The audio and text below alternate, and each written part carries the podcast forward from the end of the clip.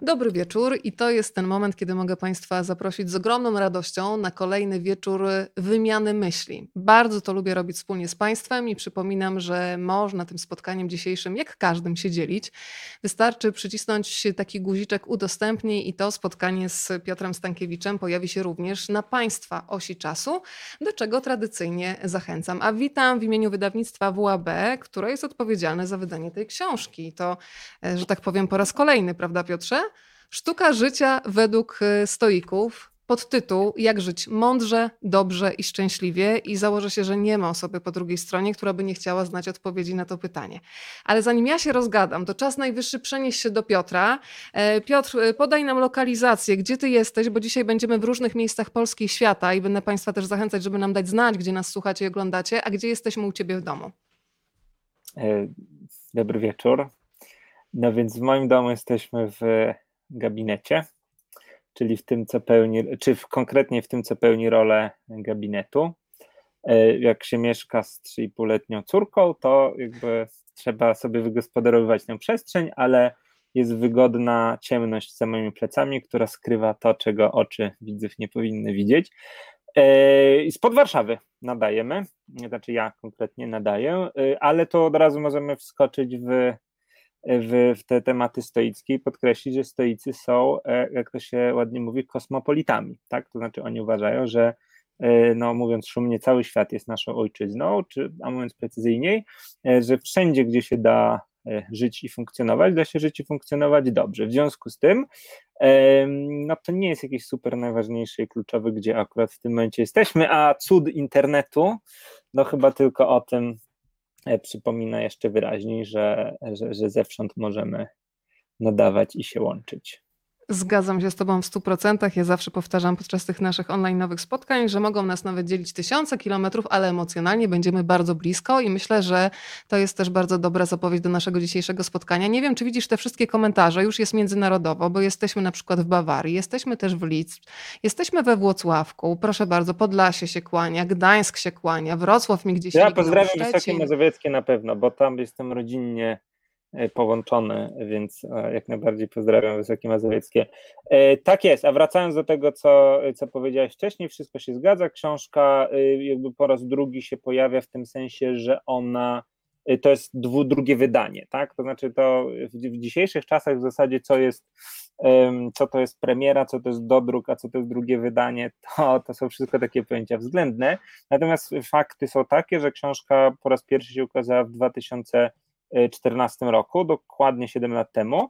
E, I od tych 7 lat no, z jakiegoś powodu wyszło tak, że się cieszy no, tak zwanym niesłabnącym, niesłabnącym zainteresowaniem i stała się tak zwanym bestsellerem, to znaczy sprzedała się pięciocyfrowa liczba egzemplarzy. No i jakby mm, ileś razy się ten nakład wyczerpywał, był uzupełniany, ale w końcu wydawnictwo się zdecydowało, żeby e, wrzucić no, coś, co już oficjalnie się nazywa nowym wydaniem i tutaj jakby treść jest tak, dokładnie taka sama od dwóch tysięcy lat to jest jeden i ten sam stoicyzm, chociaż nie do końca, o czym zapewne będziemy rozmawiać. Natomiast y, nowa jest okładka, tak? Ja akurat tak się mam, więc mogę pokazać. Y, to są dwa e, to, to, to, są te dwa wydania, tak? To jest wydanie, wydanie z 2014 roku i wydanie z 2021 roku, natomiast treść jest dokładnie taka sama. No bo jakby to powiedzieć, stoicyzm jest filozofią, która jest zawsze aktualna, ale ostatnie czasy, ostatnie 14 miesięcy, no chyba pokazują, że jest tylko, że, że, że dzisiaj jest szczególnie aktualna. Piotrze, tak skromnie powiedziałeś, od razu sobie pomyślałam, nie dość, że zdolny, to jeszcze skromny, że to z niewiadomych powodów się tak świetnie sprzedaje, to ja ci wymienię kilka e, powodów, e, bo nie wiem na ile to jest, wiesz, kokieteria, ale ja napisałam wprost po lekturze ponad 522 stron, że pozwoliłeś mi spotkać się z ludźmi, z którymi rozminęłam się w czasie.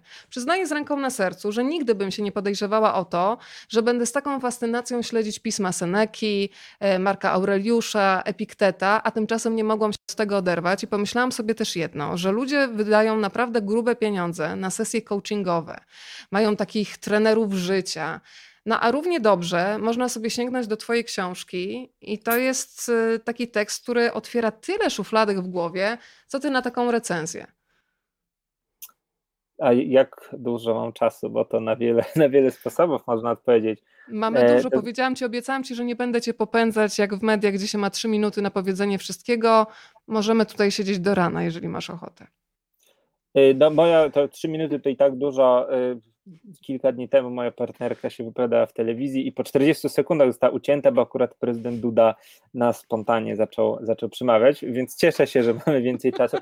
Generalnie to jest Tutaj tak, prezydent że... Duda się na pewno nie pojawi, nie przerwie ci, obiecuję ci to. Jeżeli się pojawi, to z absolutnie stoickim spokojem yy, z absolutnie stoickim spokojem yy, to przyjmiemy, a być może zadamy mu kilka naszych własnych pytań. Dobrze, ale do rzeczy. To, to, to jest generalnie tak, że że stoicyzm, jakby słowo filozofia w naszym dzisiejszym znaczeniu, tak jak je rozumiemy dzisiaj, w XXI wieku, y, no ona ma bardzo silne skojarzenia z takim, mm, jakby to powiedzieć, z taką hermetycznością, akademickością, tak? Jakby filozof to jest taki ktoś, kto sobie tam właśnie Siedzi i duma, nikt nie wie o czym on duma. duma, pracuje na jakimś uniwersytecie, pisze, czyta książki, które są strasznie grube i napisane strasznie długimi zdaniami i są strasznie niezrozumiałe i to są jeszcze niemieckie, jakieś takie długie, ciężkie słowa i tak naprawdę nikt do końca nie wie, o co w tym chodzi. E, jest to ktoś, kto pisze też w sposób niezrozumiały o rzeczach niezrozumiałych, e, no i jest to ktoś właśnie tak przysłowiowo właśnie bujający w obłokach, tak, oderwany od, od życia. I to jest jakby takie bardzo, bardzo mocne skojarzenie z tą filozofią właśnie akademicko. Natomiast e, stoicyzm, e, natomiast filozofia starożytna, tak, czyli e, ta z epoki grecko-rzymskiej, no ona znaczyła coś trochę innego, tak? Filozofia była dużo bardziej związana z, mm, jakby była dużo bliższa no właśnie sztuce życia, tak? Stąd ten podtytuł. Filozofia była dużo bardziej praktyczna, była jakby dużo bardziej postawą życiową, tak? Jakby z naszej, z naszej dzisiejszej perspektywy filozofia, e, wiedza w znaczeniu wiedzy naukowej e, i jeszcze powiedzmy, nie wiem, religia, tak, czyli jakby taka wspólnota religijna, to są trzy w zasadzie odrębne pojęcia. Natomiast to jest tak z naszego punktu widzenia, no bo w starożytności to było dużo bliższe sobie, tak? Powiedzieć, że starożytni stoicy, czy starożytne filozofie, stoicy, ale też epikurejczycy i inni, że to grupy ludzi, którzy no nie tylko jakby studiowali wiedzę w sensie abstrakcyjnym, ale którzy wspólnie starali się wypracować pewną postawę wobec, wo, wobec rzeczywistości. Więc ta filozofia była nieporównanie bardziej praktyczna, nieporównanie bardziej skupiona właśnie na, na filozofii życia. Ona była filozofią e, życia właśnie. E, I to jest tak, że dobra, kropka. I to jest to, to, to, jest to, to, jest to, to jest to podstawowe wyjaśnienie. Tak? Oni nawet starożytni stoicy, to Epiktet szczególnie, no wręcz tak wyszydzali, chciałoby się powiedzieć, takie jakby postawę mędrców, którzy są oderwani od rzeczywistości, którzy nie umieją jakby w tej rzeczywistości praktycznie się odnaleźć, tak jakby sztuka, e, sztuka sylogizmów, sztuka rozumowania dla samego rozumowania, no to było coś, czego e, no, starożytni stoicy, mówiąc dzisiejszym językiem, mieli trochę bekę, tak? bo dla nich było oczywiste i jedyne słuszne, że no, filozofia to jest coś, co ma nam pomagać w życiu. Tak? E, no więc to jest to. E, I jakby jak się z tego punktu widzenia spojrzy, no to naturalne jest, że jak się zajmujemy stoicyzmem, e, no to właśnie robimy to w ten sposób, tak? I jakby to od początku było dla mnie jasne, że ta książka właśnie no, ma sens jako, jako taki właśnie podręcznik czy zbiór, e, zbiór, zbiór refleksji nad tymi tekstami, a nie jako jakaś sucha akademicka rozprawa. Więc to założenie jest dość bliskie właśnie temu, co dzisiaj nazywamy no często w nie do końca pozytywnym znaczeniu, właśnie jakimś takim doradztwem, czy, e, czy coachingiem i tak dalej, i tak dalej. Tak jakby ta bliskość nie jest niczym zaskakującym, to w organiczny sposób wypływa z, z, no, samej istoty tego, czym jest stoicyzm. E, ale też może ty mi przerywaj i tak wcinaj się i tak dalej, bo jak ja już zacznę tak mówić, Ja wiesz, próbuję się być w momencie, kiedy bierzesz oddech, a ty prawie nie oddychasz, więc wiesz, muszę się tutaj jakoś y, przebijać, ale będę cię cytować. Słuchaj, ciebie, Senekę, Marka Aureliusza, I piszesz tak: Napisałem tę książkę w duchu zasady, że uczyć innych to najlepsza droga, by nauczyć samego siebie. Z ręką na sercu mogę zaświadczyć, że właśnie dzięki niej stałem się odrobinę lepszym stoikiem. No to jestem bardzo ciekawa, Piotrze. W skali od 1 do 10, jak oceniasz swoją biegłość w byciu stoikiem? U, to, to, to, to, najtrudniejsze pytania chyba powinny być na koniec jednak, to nie wiem, czy to... Łatwe są dla mniej zdolnych. Ja powiem tak, że, y, że, że to się nie da odpowiedzieć w skali 1-10, tak, bo, bo dla mnie to, co jest istotne, no na pewno nie jest to 10, tak, e, na pewno pod całym szeregiem względów nie, jest, nie jestem stoikiem danym, ale, ale cała rzecz w tym, żeby stale próbować, tak, e, i to może brzmieć jak banał, ale, ale tak właśnie jest, tak, no niektóre E, niektóre stare prawdy ludzkości, no właśnie no mają to do siebie, że są starymi prawdami i trzeba je powtarzać, tak? E, ja na pewno, dla mnie to, to, co jest dla mnie istotne, to jest istotne dla mnie to, że ja na pewno się stałem dużo bardziej, e, dużo bardziej stoikiem w wyniku napisania tej książki, niż byłem przed tak? Oczywiście to jest cały czas proces, to nigdy do tej dziesiątki się nie dojdzie. Ja nawet mam czasami dość duże wątpliwości, no ale to jest też temat odrębny, czy aby na pewno do takiego właśnie pełnego 10 na 10 należy dążyć w tym stoicyzmie, więc raz jest lepiej, raz jest gorzej, natomiast co do średniej na pewno jest lepiej niż było te 10 lat temu, czy 15 w moim wypadku i to jest to, co się dla mnie liczy. Więc nie odpowiedziałem, to, ale myślę, że odpowiedziałem. I to jest też to, e, Piotrze, co się liczyło dla stoików, żeby faktycznie zamykając dzień mieć poczucie, że jest się o trochę, że jest się przynajmniej trochę lepszym człowiekiem niż e, wczoraj, prawda? No to ja już się nie, nie, zgadzam. To dobrze, tutaj, bo to, to Seneca, to Seneca, to Seneca mówi dokładnie tak, że, jakby, tak. Yy, że, że codziennie tam, kiedy zabiorą światło sprzed oczu, bo to wtedy on miał niewolnika, który wynosił, wynosił tam kaganek, czy co to tam było, no i to dzisiaj to pewnie musimy powiedzieć, że w apce zamykam sobie światło, wyłączam, yy, i, ale to jakby moja, moja, moja, moja wątpliwość jest tu stricte merytoryczna. Po prostu nie wydaje mi się, żeby, żeby dzień po dniu to była dobra taka rama czasowa, tak? Czy przynajmniej w moim wypadku to nie działa, tak? Ten dzień yy, no jest tak gęsty, wypełniony zdarzeniami, obowiązkami i, i, i życiem, że, że, że ja w pewnym sensie nie mam w moim wypadku to nie jest tak, że codziennie taki bilans ma, ma sens. Natomiast właśnie takie spojrzenie, takie jak przed chwilą zaczęliśmy rozmawiać, w perspektywie kilku lat, kiedy ja widzę, co się we mnie zmieniło i że zdaję sobie sprawę, że to w znacznej mierze właśnie dzięki stoicyzmowi, no to jest już inna rozmowa, tak? Właśnie w perspektywie lat to ten bilans wypada na pewno yy, na pewno korzystnie i wtedy go jakby bardziej widać, tak? Bo też dni dzień po dniu to jest trochę jak bitcoin, tak? To znaczy ten kurs tak lata sobie do góry i do dołu i w pewnym sensie to, to jakby nie widać tego postępu, czy go realnie robimy, no bo jeżeli są jakieś mega niekorzystne zdarzenia, no to jakby siłą rzeczy ten stoicyzm nasz będzie poddany większej próbie, a jeżeli nic się, złe, jakby nic się złego nie wydarzy, no to jakby będzie lepiej i jakby nie wiemy na ile to jest naszą własną zasługą, więc patrzenie w szerszej perspektywie, e, ja w ogóle jestem takim dosyć długofalowym człowiekiem, patrzenie w dłuższej perspektywie wydaje mi się wydaje mi się dobrym rozwiązaniem tutaj. Y, pojawiło się w Twojej wypowiedzi słowo apka. Powiem Ci szczerze, że ja zapowiadając nasze dzisiejsze spotkanie od naszych widzów się dowiedziałam, że istnieją też apki na telefon, dzięki którym można codziennie zaczynać dzień z jakąś myślą stoików. I na przykład otwierasz sobie telefon i Seneka Ci wyskakuje i ja chyba coś takiego muszę zamontować. Znasz to? This, to jest ta aplikacja. To ja o tym nie wiedziałam, to opowiadaj. No właśnie. Nie no, generalnie ha. ja uważam, że jakby problem z aplikacjami jest taki, e, tylko znów, tutaj mówię w swoim własnym imieniu i jakby w imieniu tych, którzy mają tak skonstruowany umysł. Problem z aplikacjami jest taki, że, że są super i w ogóle dają wielkie możliwości. Ja dosłownie w tym, w tym ostatnim tygodniu rozpocząłem e, karierę na, na TikToku, zainstalowałem aplikację. Podziwiam, powiem Ci, że ja Właśnie, powiedziałam jak Michał Rusinek, że jestem e, za młoda, żeby umrzeć, za stara na TikToka. U mnie się nie sprawdza, ale ty jesteś młodszy ode mnie o dwa lata, więc może ja już się nie załapałam po prostu. To jest ciekawa myśl, e, już odpowiadam na nią.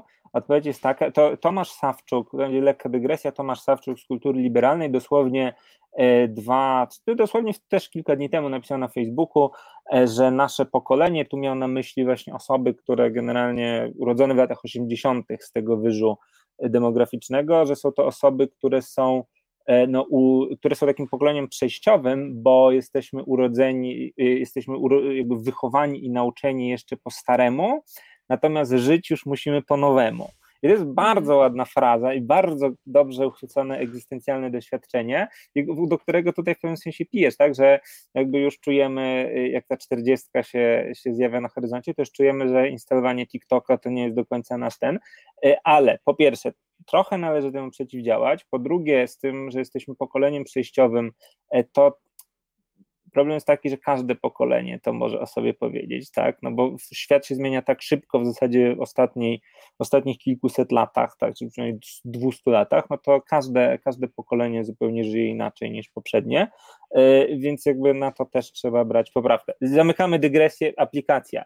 Więc ja absolutnie nie jestem wrogiem aplikacji nowoczesności i na dowód tego informuję, że na TikToku i na Clubhouse'ie rozpocząłem działalność, co z niej wyjdzie. Na Club co? Ja pierwszy no, raz. No właśnie, no widać e, respectfully, ale widać, że jesteś jednak te dwa lata starsza. Widać moją tak? ignorancję, przepraszam, drodzy e, Państwo. Natomiast, więc jakby super są, jakby super, że są aplikacje i tak dalej, natomiast ja mam dosyć dużą wątpliwość, czy właśnie do, do czegoś takiego ona się nada, tak? Bo istotne w tym jakby w tym kontakcie i w obcowaniu ze stoicyzmem, e, no jest to, żeby mówiąc naj, naj, najwulgarniej, żeby nas nic nie rozpraszało, tak? To znaczy e, aplikacja i w ogóle korzystanie z urządzeń elektronicznych, no ma to do siebie, to jest podstawowy problem, polega na tym, że jak ja już to wezmę do ręki, no to jakby od razu się wystawiam na ryzyko, że to za mnie, do, do mnie zacznie pikać, mówić, powiadomienia typu push, powiadomienia tam jakiegoś innego typu, że ktoś zadzwoni, że coś się okaże.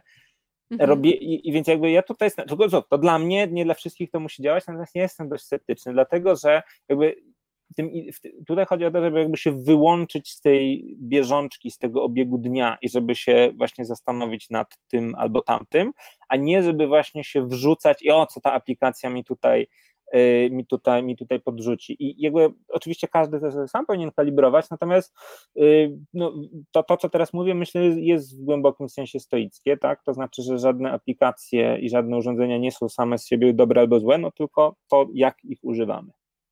No proszę, Banał, ja ale chwilę, wiesz, ja już prawie uwierzyłam, że jest również jeszcze książka, wiesz, w wersji aplikacji, ale rozumiem, że jednak stawiamy na książkę, dobrze. Ale nie, no to właśnie była taka, to taka no ja wiem, no załapałam ten żart z tak, pewnym tak, opóźnieniem, nie, no, ja dotarło. Nie, no, gdyby, gdyby ktoś do mnie przyszedł i powiedział, że zróbmy aplikację, czy były w ogóle jakieś takie pomysły, y, ja nie do końca widzę, że to jest ten kierunek, dlatego właśnie, że, no, że jednak w tym temacie to książka to jest książka, tak? To jest ten obiekt papierowy, który musisz wziąć do ręki, który właśnie nie zacznie ci krzyczeć do ciebie, czy nie wyskoczy żadna reklama, tak? Jakby, jaki jest sens? No właśnie. Yy, I, i, I poprzez samo to się jakby przestrajasz w inny trochę obiekt, tak? I, i tak, tak moja książka, którą pisałem, no w zasadzie pracowałem na nią 10 lat temu już, tak? Yy, no więc ja, ja w pewnym sensie nie brałem uwagi, że tutaj będzie pod uwagę, że będzie się ścigać o uwagę ludzi z aplikacjami, aplikacjami i, i, i Clubhouse'em, E, natomiast, e, natomiast ona no, jakby zawiera w sobie tą ideę tak czy siak, że właśnie chodzi o to, żeby zajrzeć do pewnego tekstu, przeczytać fragment starożytnego autora, później współczesny autor, no, czyli ja w tym wypadku, co ma na ten temat do powiedzenia, jakby powtórzyć w sobie ten proces, tak? Taka była, e, taka była idea. Ale powiedziałeś bardzo ważną rzecz, że kiedy mówimy o apkach, to od razu jest to rozpraszanie. Bardzo lubię ten moment w Twojej książce, który odniosłam sobie do tak zwanego multitaskingu, który jest hołubiony przez wiele firm, które wymagają od swoich pracowników, szczególnie jeszcze teraz w czasach pracy zdalnej, żeby wykonywali jedno zadanie. Myślami byli już w drugim, najlepiej w trzecim. W międzyczasie tak zwanym, ten międzyczas nie istnieje, ale teoretycznie w międzyczasie ogarniają jeszcze domową rzeczywistość, dzieci, edukację online i tak dalej. E, I stoicy mówią wprost, że taka zdolność do koncentracji na kilku rzeczach jednocześnie wcale nie jest błogosławieństwem, tylko jest przekleństwem. Możemy rozwinąć ten wątek? E, możemy, ale ja już myślę na ten temat co innego niż myślałem w książce, a jak ty to mówiłaś, o. to jeszcze mi coś innego do głowy przyszło.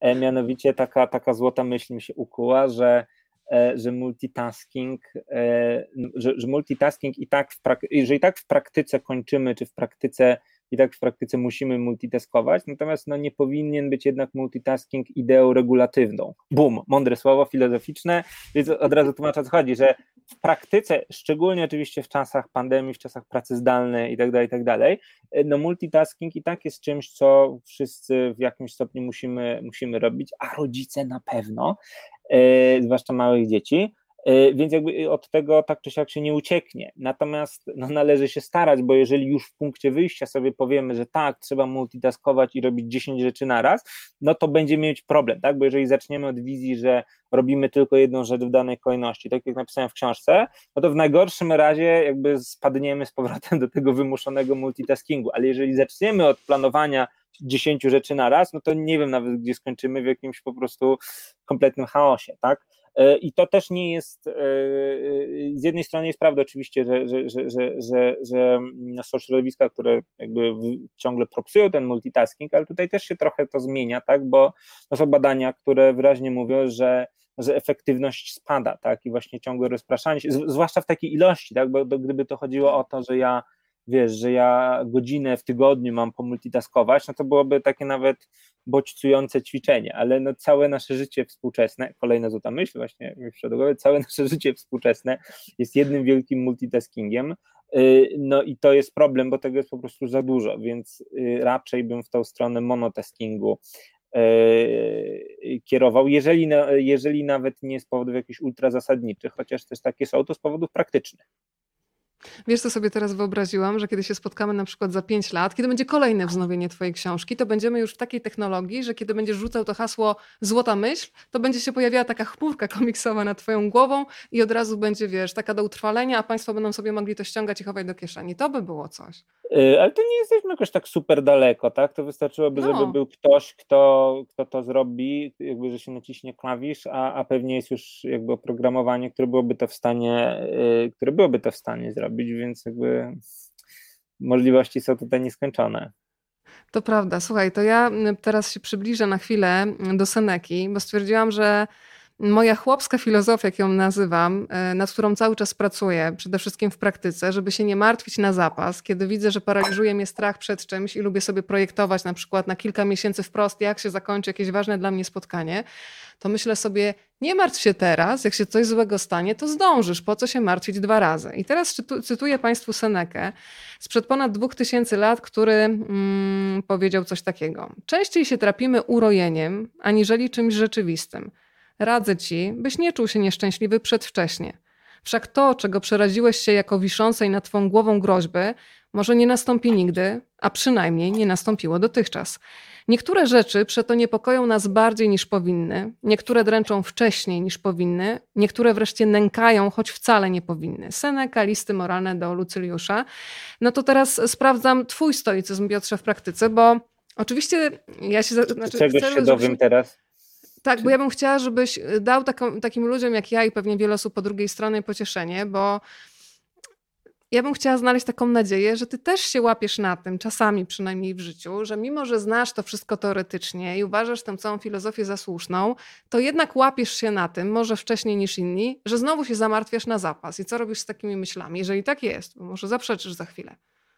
Y, no na pewno tak jest i w ogóle ja myślę, że y, że e, obiecałaś, powiedziałeś, że możemy, że mamy czas i możemy spokojnie porozmawiać, żeby wybrzmiały różne, różne wątki, nie musimy się robić z tego setek e, telewizyjnych, więc jakby ja chętnie e, przy, powiem, przyznam i wyjaśnię, że, że jakby to w ogóle nie jest tak, że chodzi o to, że ja jestem jakimś, Bóg mędrcem, który doznał oświecenia i teraz jest idealnym człowiekiem, który nie ma żadnych problemów i który w doskonały sposób realizuje doskonałe zasady i nie ma z tym żadnego problemu i moją i wszyscy powinniście dokładnie tak samo robić według schematu. Przykładajcie A... ręce do radioodbiorników teraz, jak Kaszpirowski.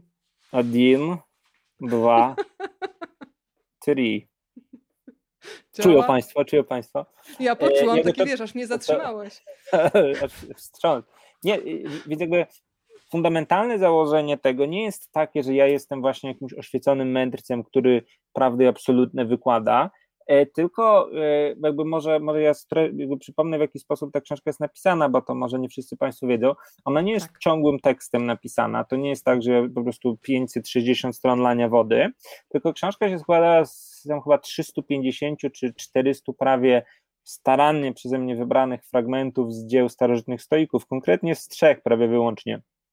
Seneki, Epikteta i Marka Aureliusza, które ja później komentuję, tak? Cała treść książki jest zawarta w moich komentarzach, tak? To jest taki tradycyjny, średniowieczny jeszcze y, sposób wypowiadania się nazywany ad literam, także poprzez komentarz do starszego tekstu. Y, I tutaj w tym uważam, że jest głęboki sens, bo, y, bo jakby książka jest zapisem mojego własnego dociekania tego, o co w tych starych tekstach chodziło, tak, jakby o co, o, o co chodzi w tym stoicyzmie, ja to staram się odkryć, staram się to wyrazić współczesnym językiem poprzez współczesne pojęcia i jakby zapisuje i ten sam, cały ten proces właśnie zapisuje i przekazuje czytelnikowi, zapraszając czytelnika, państwa, was, tak, do, y, do tegoż właśnie, y, do robienia tego wspólnie, tak, do tego, żeby ten proces się powtórzył w państwu, tak, jakby proces odkrywania, odkopywania tego, więc książka nie jest napisana z jakiejś pozycji y, absolutnej wiedzy i oświeconego mędrca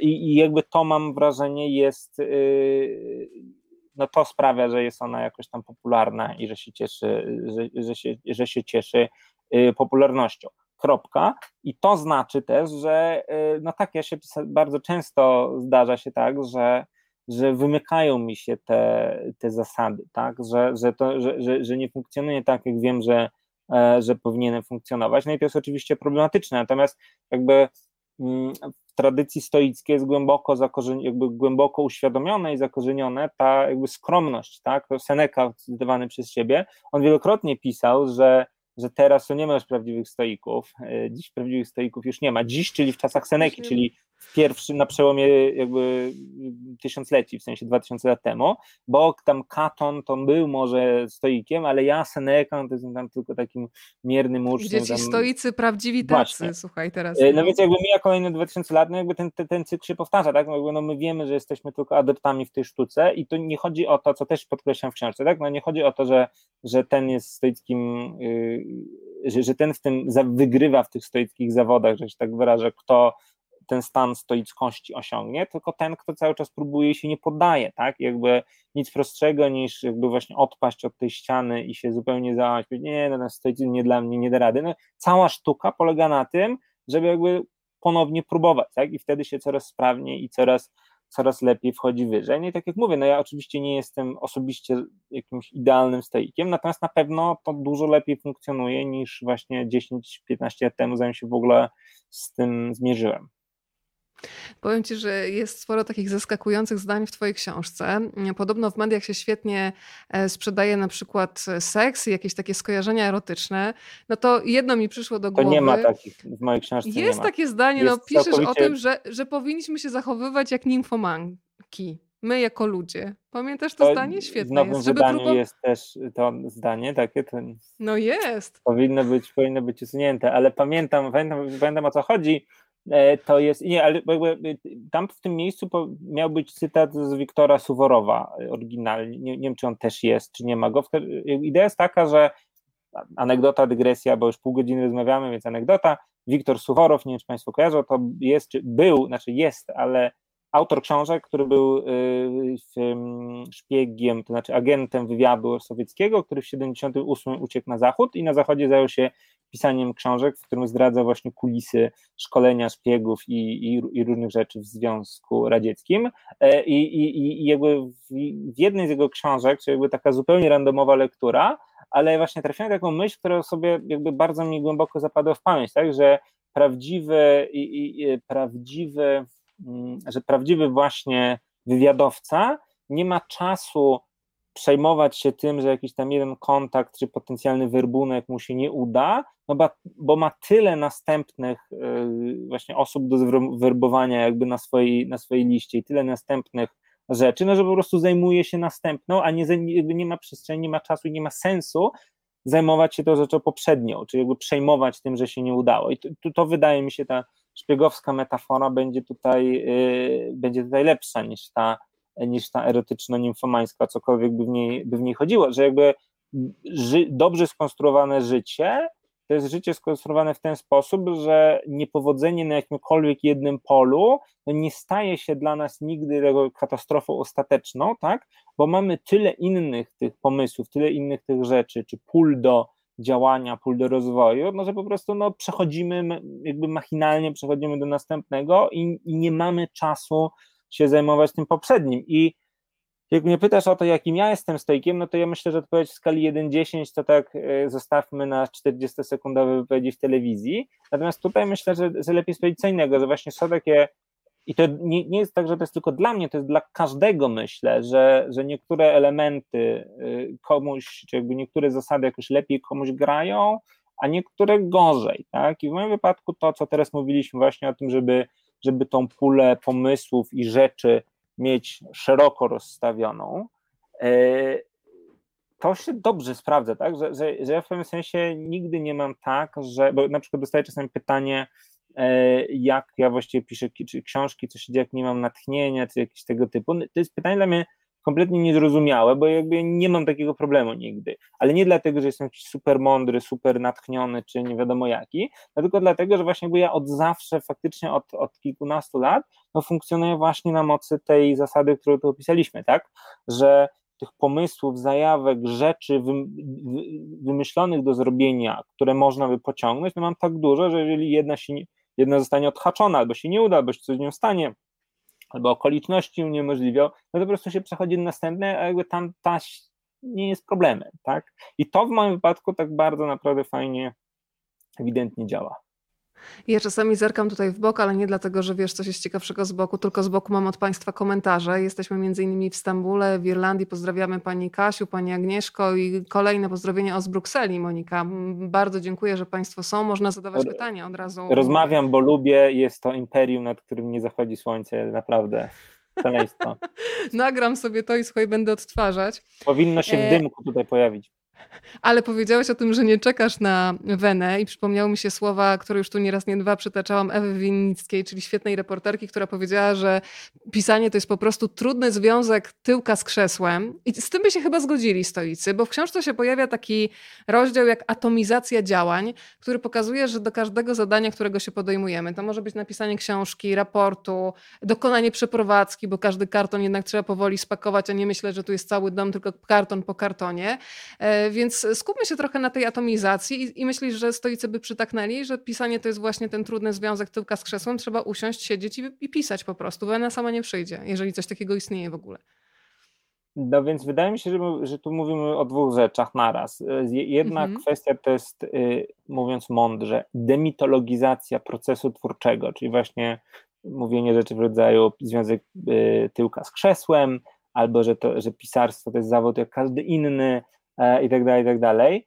E, czy jest też ta metafora, że, że pisanie powieści to jest heblowanie stołu, e, no jakby odbrązowianie, demitologizowanie procesu twórczego. To jest jakby jedna rzecz i o, i o tym, mhm. tylko, bo tu się mi żeby się nie ospały na mnie te książki. O tym mam oddzielną książkę w ogóle, o związkach twórczości artystycznej i stoicyzmu, czy jakby ze stoickiego punktu widzenia opisane, więc to jest też odrębny wątek, który możemy pociągnąć, ale tutaj tobie chodzi no, o to, coś trochę jednak innego, czyli o tą atomizację, tak? Ale atomiz atomizację w znaczeniu rozdrobnienia rzeczy w czasie. Y, I to jest jakby zasada chyba słuszna i niepodważalna i z tym się zgodzą nie tylko stoicy, ale też wspomniani coachowie i, i wiele innych nurtów, że cokolwiek mamy zrobić, jeżeli czy to będzie napisanie książki, czy wychowanie dziecka, czy co tam jeszcze mówiłaś, przeprowadzka, tak, Y, no to każda z tych rzeczy no, należy ją rozłożyć na czynniki jakby nie tyle pierwsze, co na czynniki kolejne i po prostu jakby iść krok po kroku, tak? Yy, dlatego, że no jakby wiadomo, jeżeli będziemy starali się ten niedosiężny horyzont cały czas ogarniać wzrokiem, no to jakby wymiękniemy być może, bo to się okaże zbyt duże. Jakby realny sens inwestowania czasu i energii no jest tylko w te wąskie kawałki, krok po kroku, jak koraliki na nic, wynoszenie poszczególnych kartonów, jakby odhaczanie tych kolejnych zadań, jakby w całej takiej no, prozie, prozowatości e, tego, tego życia. E, natomiast z punktu widzenia stoik, bo tak jak powiedziałem, no z tym się wszyscy pewnie zgodzą, natomiast co jest specyficznie stoickiego w tej zasadzie? No specyficznie stoickie jest to, że stoicy podkreślają, że tylko i wyłącznie ta rzecz, którą robimy w danej chwili, no ona jest rzeczą od nas zależną. To, to co będę robił dziewiątego dnia o godzinie 18, punkt 34 na mojej checkliście, no to do tego czasu już może wybuchnąć wojna albo świat się skończyć, albo mogę umrzeć na covid i jakby nie jest w mojej mocy decydowanie o tym. W mojej mocy jest tylko i wyłącznie postaranie się zrobić dobrze to, co robię w danej chwili, tak? I dlatego właśnie no ten multitasking tutaj nie powinien mieć miejsca. Ideałem jest właśnie takie robienie krok po kroku, niezależnie jak duża to będzie, niezależnie od tego, jak duża to będzie rzecz, oczywiście dotyczy to też pisania.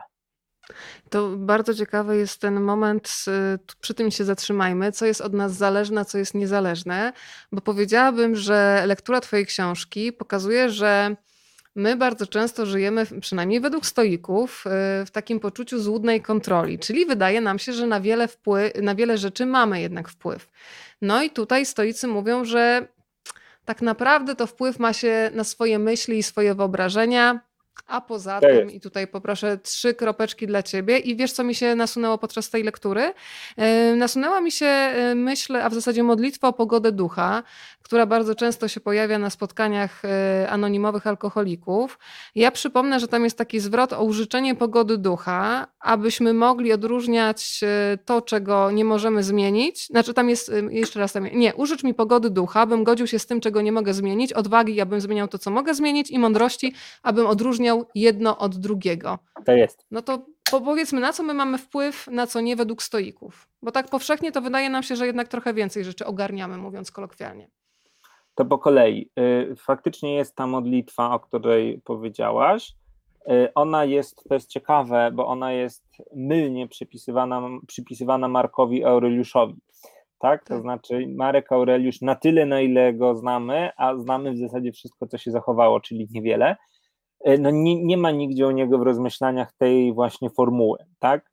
Ale, no to jest jakby zmyślone, ale dobrze zmyślone, tak?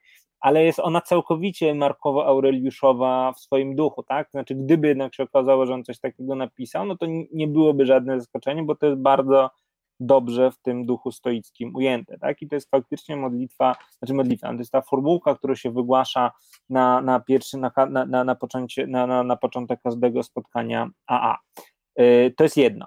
Yy, drugie, ja nie do końca się zgadzam, że my żyjemy w duchu jakiejś takiej fałszywej pozytywności, tak? To znaczy myślę, że, znaczy oczywiście istnieje taki ruch właśnie, który każe wierzyć, że wszystko jest możliwe i że w jakimś takim naiwnym sensie i że wystarczy wierzyć i to się na pewno stanie rzeczywistością, ale czy, czy, czy, czy, czy poważni ludzie wierzą w to na serio? Jakby nie do końca jestem przekonany. Myślę, że jednak, że ta, ta koncepcja, że raczej mniej rzeczy od nas tak naprawdę zależy niż więcej, no to no myślę, że dużo więcej ludzi tu by się pod nią podpisało. Nie możemy zrobić sondę wśród tutaj, wśród, wśród, wśród słuchaczy. Badania terenowe, e, poprosimy.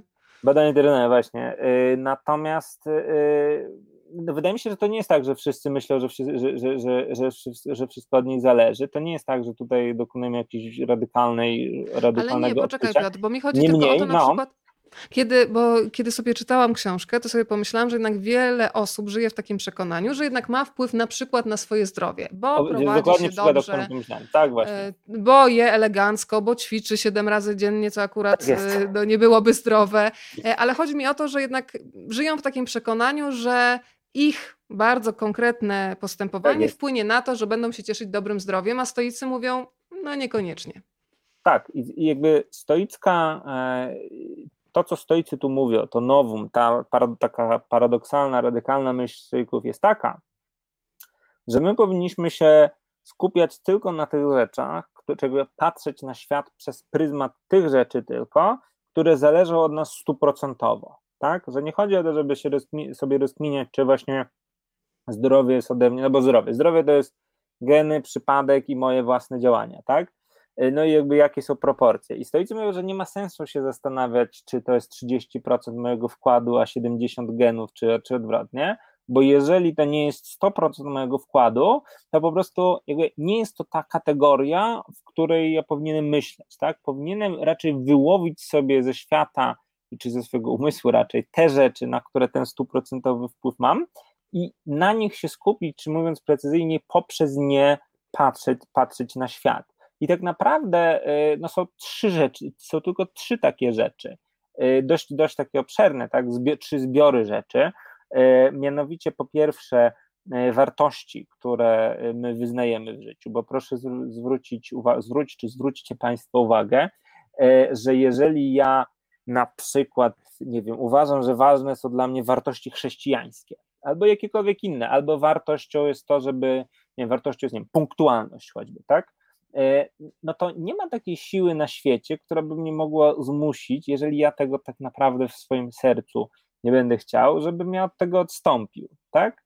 Jakby jasne jest, że jeżeli nie wiem, jestem wychowany w duchu chrześcijańskim, no to jest dużo większe prawdopodobieństwo, tak, że jestem w Polsce, no to statystycznie jest dużo większe prawdopodobieństwo niż jestem chrześcijaninem, tak, niż jak jestem wychowany w, nie wiem, w, w Nepalu, tak, czy w, czy, czy, czy w Egipcie.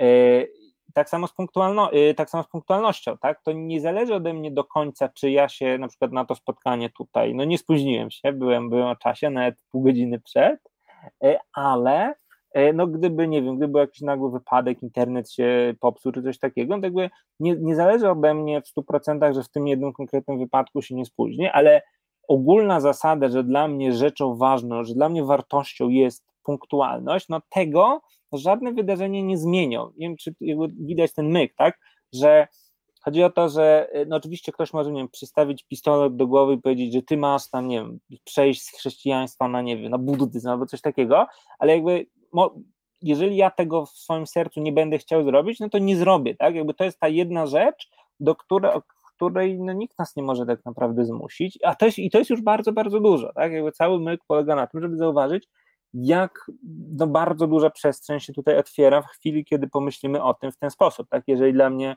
wartością jest stoicyzm, no to nikt mnie nie zmusi, być może mi się nie będzie udawało to życie po stoicku, to jest jasne, ale nikt mnie nie zmusi, żebym ja uznał Epikura za swojego idola, prawda? To jest jeden punkt. To ja teraz bym chciała się trochę, mm, trochę bym teraz chciała podyskutować, bo były takie momenty w tej książce, kiedy sobie pomyślałam, wręcz się kłóciłam ze stoikami. Dobra, to ja mogę, takich... może dokończę, przepraszam cię, że ci ten, to jeszcze tak. dokończę, bo powiedziałem, że są trzy rzeczy, które, czy jakby trzy zbiory rzeczy, więc jeden, wartości, które uznajemy za dla nas ważne i które staramy się, których staramy się trzymać w życiu. Drugie, już nie rozwijając tak długo, yy, cele, jakie w tym życiu sobie stawiamy, na podobnej zasadzie. No jeżeli moim celem jest, nie wiem, zostać mistrzem świata w czymś tam, no to nie, jakby być może nie zostanę, ale tego, że sam, że chcę być, chcę, żeby to był cel, no to tego mi nikt nie, nie odbierze ani nie zmusi. To drugie, a i po trzecie, kierunek, w jakim chcę zmieniać mój charakter, tak? Czy na przykład ta cecha punktualności, tutaj może znowu będzie przykładem. Y, być może ja mam ze swojej natury tak, że po prostu mam takie geny, że jestem spóźnialski, jakby za, za, zawsze zaśpię, nie jestem w stanie się, nie jestem w stanie się zebrać, żeby być o godzinie, ale starać się i jakiś progres robić zawsze mogę. I ten kierunek jest wszystkim. Kropka. Teraz możemy dyskutować. To ja sobie podyskutuję. Zresztą jestem przekonana, że każdy z Państwa czytając tę książkę mm, wyjmie z niej, powiem tak, dla siebie kompletnie inne fragmenty i przy innych się będzie wściekał, przy innych będzie przytakiwać głową. Więc ja trafiłam na ten moment, kiedy stoicy radzą, żeby sobie wyobrażać wszystkie najgorsze scenariusze, jakie ci się mogą zdarzyć w życiu. Czyli na przykład to, że spali ci się dom, że stracisz bliskich, że cię wyrzucą z pracy, że będziesz chory na przykład na nowotwór. I ja jak sobie to wszystko wyobraziłam, to pomyślałam, matko jedyna, jeżeli ja bym teraz zaczęła o tym wszystkim myśleć, to po pierwsze odebrałabym sobie radość bycia tu i teraz, żyłabym w ciągłym poczuciu zagrożenia i nie sądzę jednak, żeby mnie to przygotowało na to, kiedy to wydarzenie się zdarzy, że ja będę spokojniejsza. Jak Piotr Stankiewicz się do tego odnosi i czy faktycznie, bo rozmawiamy o konkretach i o tym, że stoicyzm to jest sztuka życia, czy faktycznie zdarzają ci się takie wieczory, nie wiem, wybierasz sobie sobotę, godzina 18 i dajesz sobie godzinę na wymyślenie najczarniejszych scenariuszy i jeszcze ma ci to sprawiać przyjemność? Dobra, mam odpowiedź. Odpowiedź na od poziomie osobistym jest taka, że oczywiście nie, bo ja w ogóle nie funkcjonuję w ten sposób, żeby sobie jakby wydelegowywać e, sobotę o godzinie 18, że będę myślał o tym albo o tamtym. E, ja ten stoicyzm, no ja się z nim zajmuję od jakby realnie studiuję stoicyzm od sierpnia 2006 roku więc to jest prawie 15 lat i naprawdę już mam to mocno we krwi, w związku z tym ja tak jakby też nie potrzebuję, nie potrzebuję, ale też nie funkcjonuję w ten sposób, by właśnie jakieś takie sloty wydzielać. Jeżeli miałem w sobotę o godzinie 18 e, miałbym wolny czas, to pewnie bym rzucił wszystko i poszedł do lasu sobie pochodzić, żeby odetchnąć świeżym powietrzem pod gołym niebem, bo zwłaszcza w pandemii jest to nam bardzo potrzebne. E, więc u mnie to się dzieje w jakiś sposób bardziej organiczny, rozproszony, że ja nie jestem ci w stanie podać, jakby pokazać tabelki w Excelu, że o tej, o tej godzinie to ja robię to i to, takie, takie ćwiczenia, później robię jeszcze co innego. To jakby to dzieje się tak raczej we wszystkich momentach naraz, a nie jakby ta, według tabelki. E, ale oczywiście dla innych państwa może dziać się inaczej i jakby tutaj bez, bez dogmatu, tak? Niech każdy robi tak, jak jemu czy jej pasuje. To na poziomie osobistym. Na poziomie jakby zasadniczym, no to, jest tak, że w pewnym sensie to, co powiedziałeś, to jest taka abstrakcyjnie mówiąc, odwrotność mindfulnessu, tak? To znaczy, że tak samo, odwrotność, ale też tożsamość, tak? Bo jakby, tak samo jak w mindfulnessie nie chodzi w tym byciu, w uczeniu się jakby doświadczenia tu i teraz, nie chodzi o to, żeby na zawsze być w tym tu i teraz, tak? W medytacji nie chodzi o to, żeby zawsze być w tu i teraz i żadne myśli nigdy nie oceniać, tylko żeby jakby nauczyć się tej y, umiejętności, tak? Jeżeli ja sobie medytuję tam, nie wiem, 10 minut dziennie, to znaczy, że ja te 10 minut dziennie mam jakby kształcić się w tym sposobie myślenia, żeby on mi później procentował przez pozostałe przez pozostałą część dnia, tak? A to nie znaczy, że ja mam non-stop medytować, czy non-stop być jakoś tak zaślepiony tym tu i teraz. I, I, jakby trochę tak samo, jakby z odwrotnym, e, jak to się ładnie mówi, e, z tym samym, w tym samym kierunku, ale z przeciwnym zwrotem jest z, z, z tym, z właśnie z myśleniem o negatywnych scenariuszach, tak?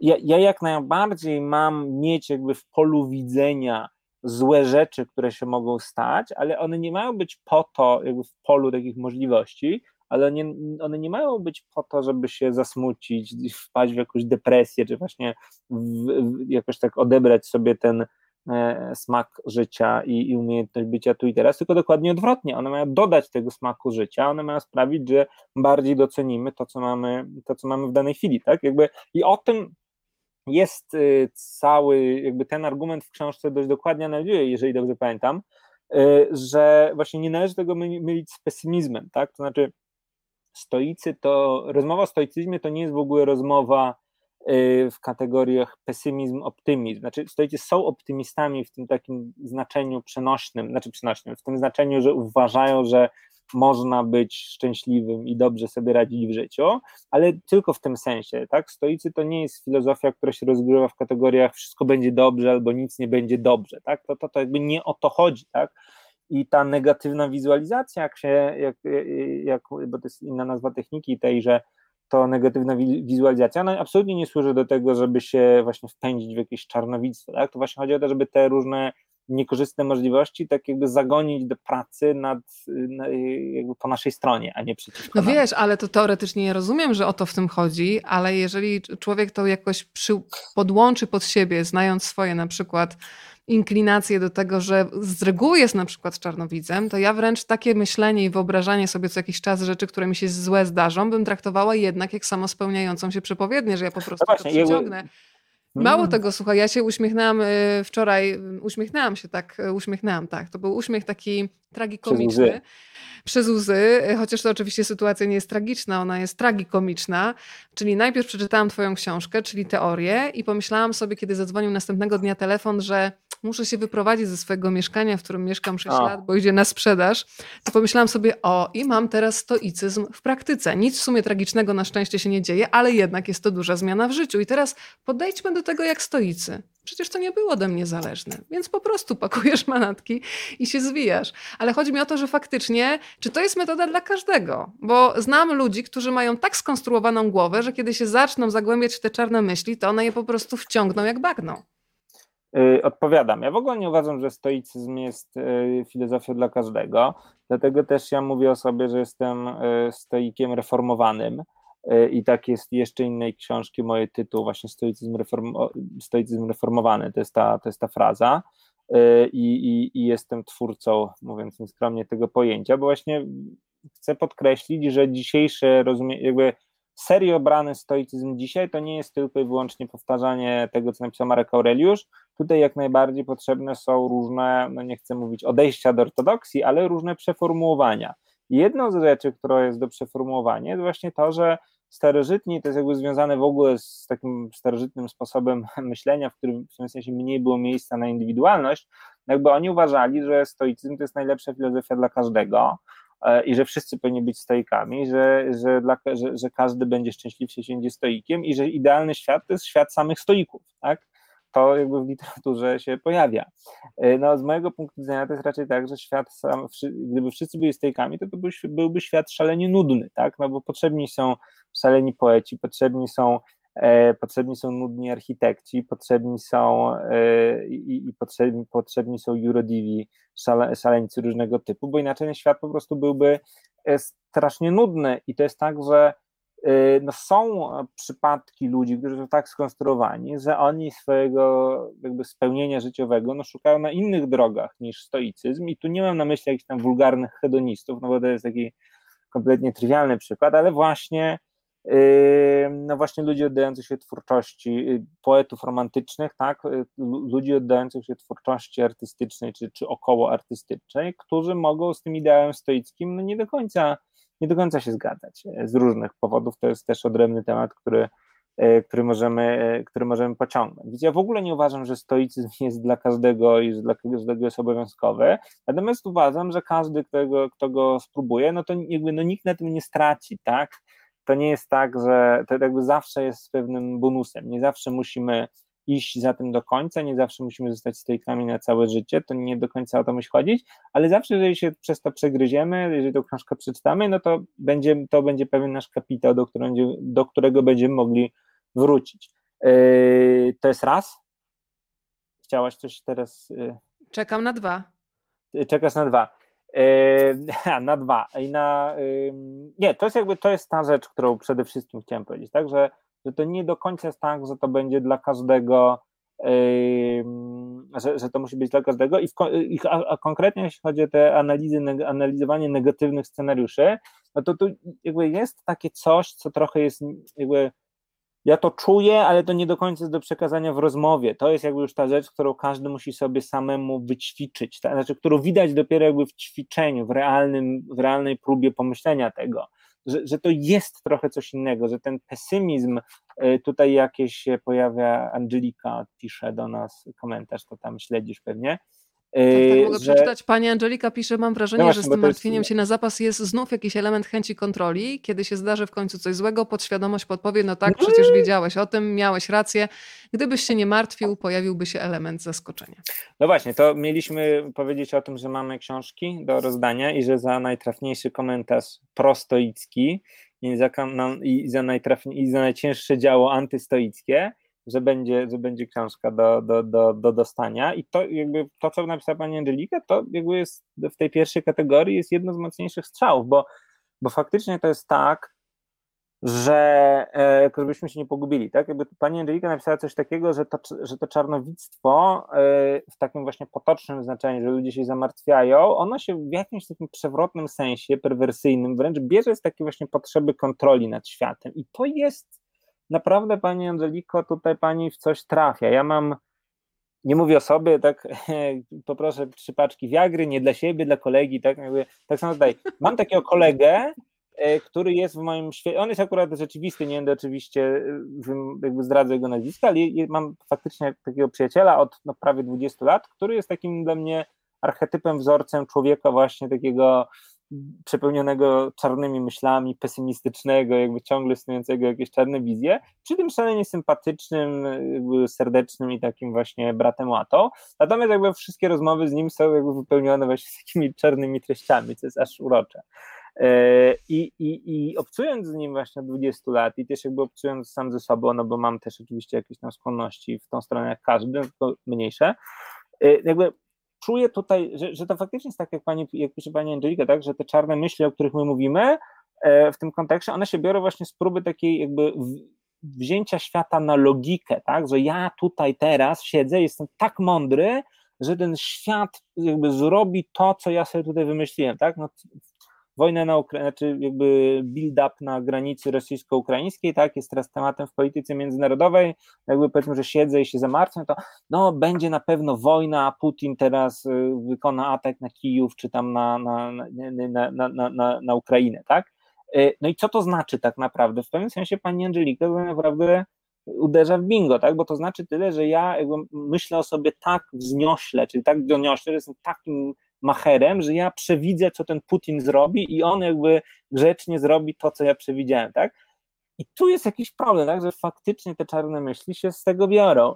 I jakby robiąc krok dalej, no w związku z tym jakby to, że one się często nie ziszczają, no to właśnie bierze się z tego, że my przeceniamy swoją własną pozycję, tak? Jakby świat nie jest na tyle logiczny, racjonalny, żeby uderzyć w nas właśnie w ten określony sposób, tak? Jakby półtora roku temu pewnie każdy z nas miał jakieś tam smutki i myślał, że to a to się uda albo nie uda, po czym boom, przyszedł COVID, jakby otworzyła się pula tysiąca nowych problemów, a jakby te przedcovidowe, no jakby zniknęły, tak?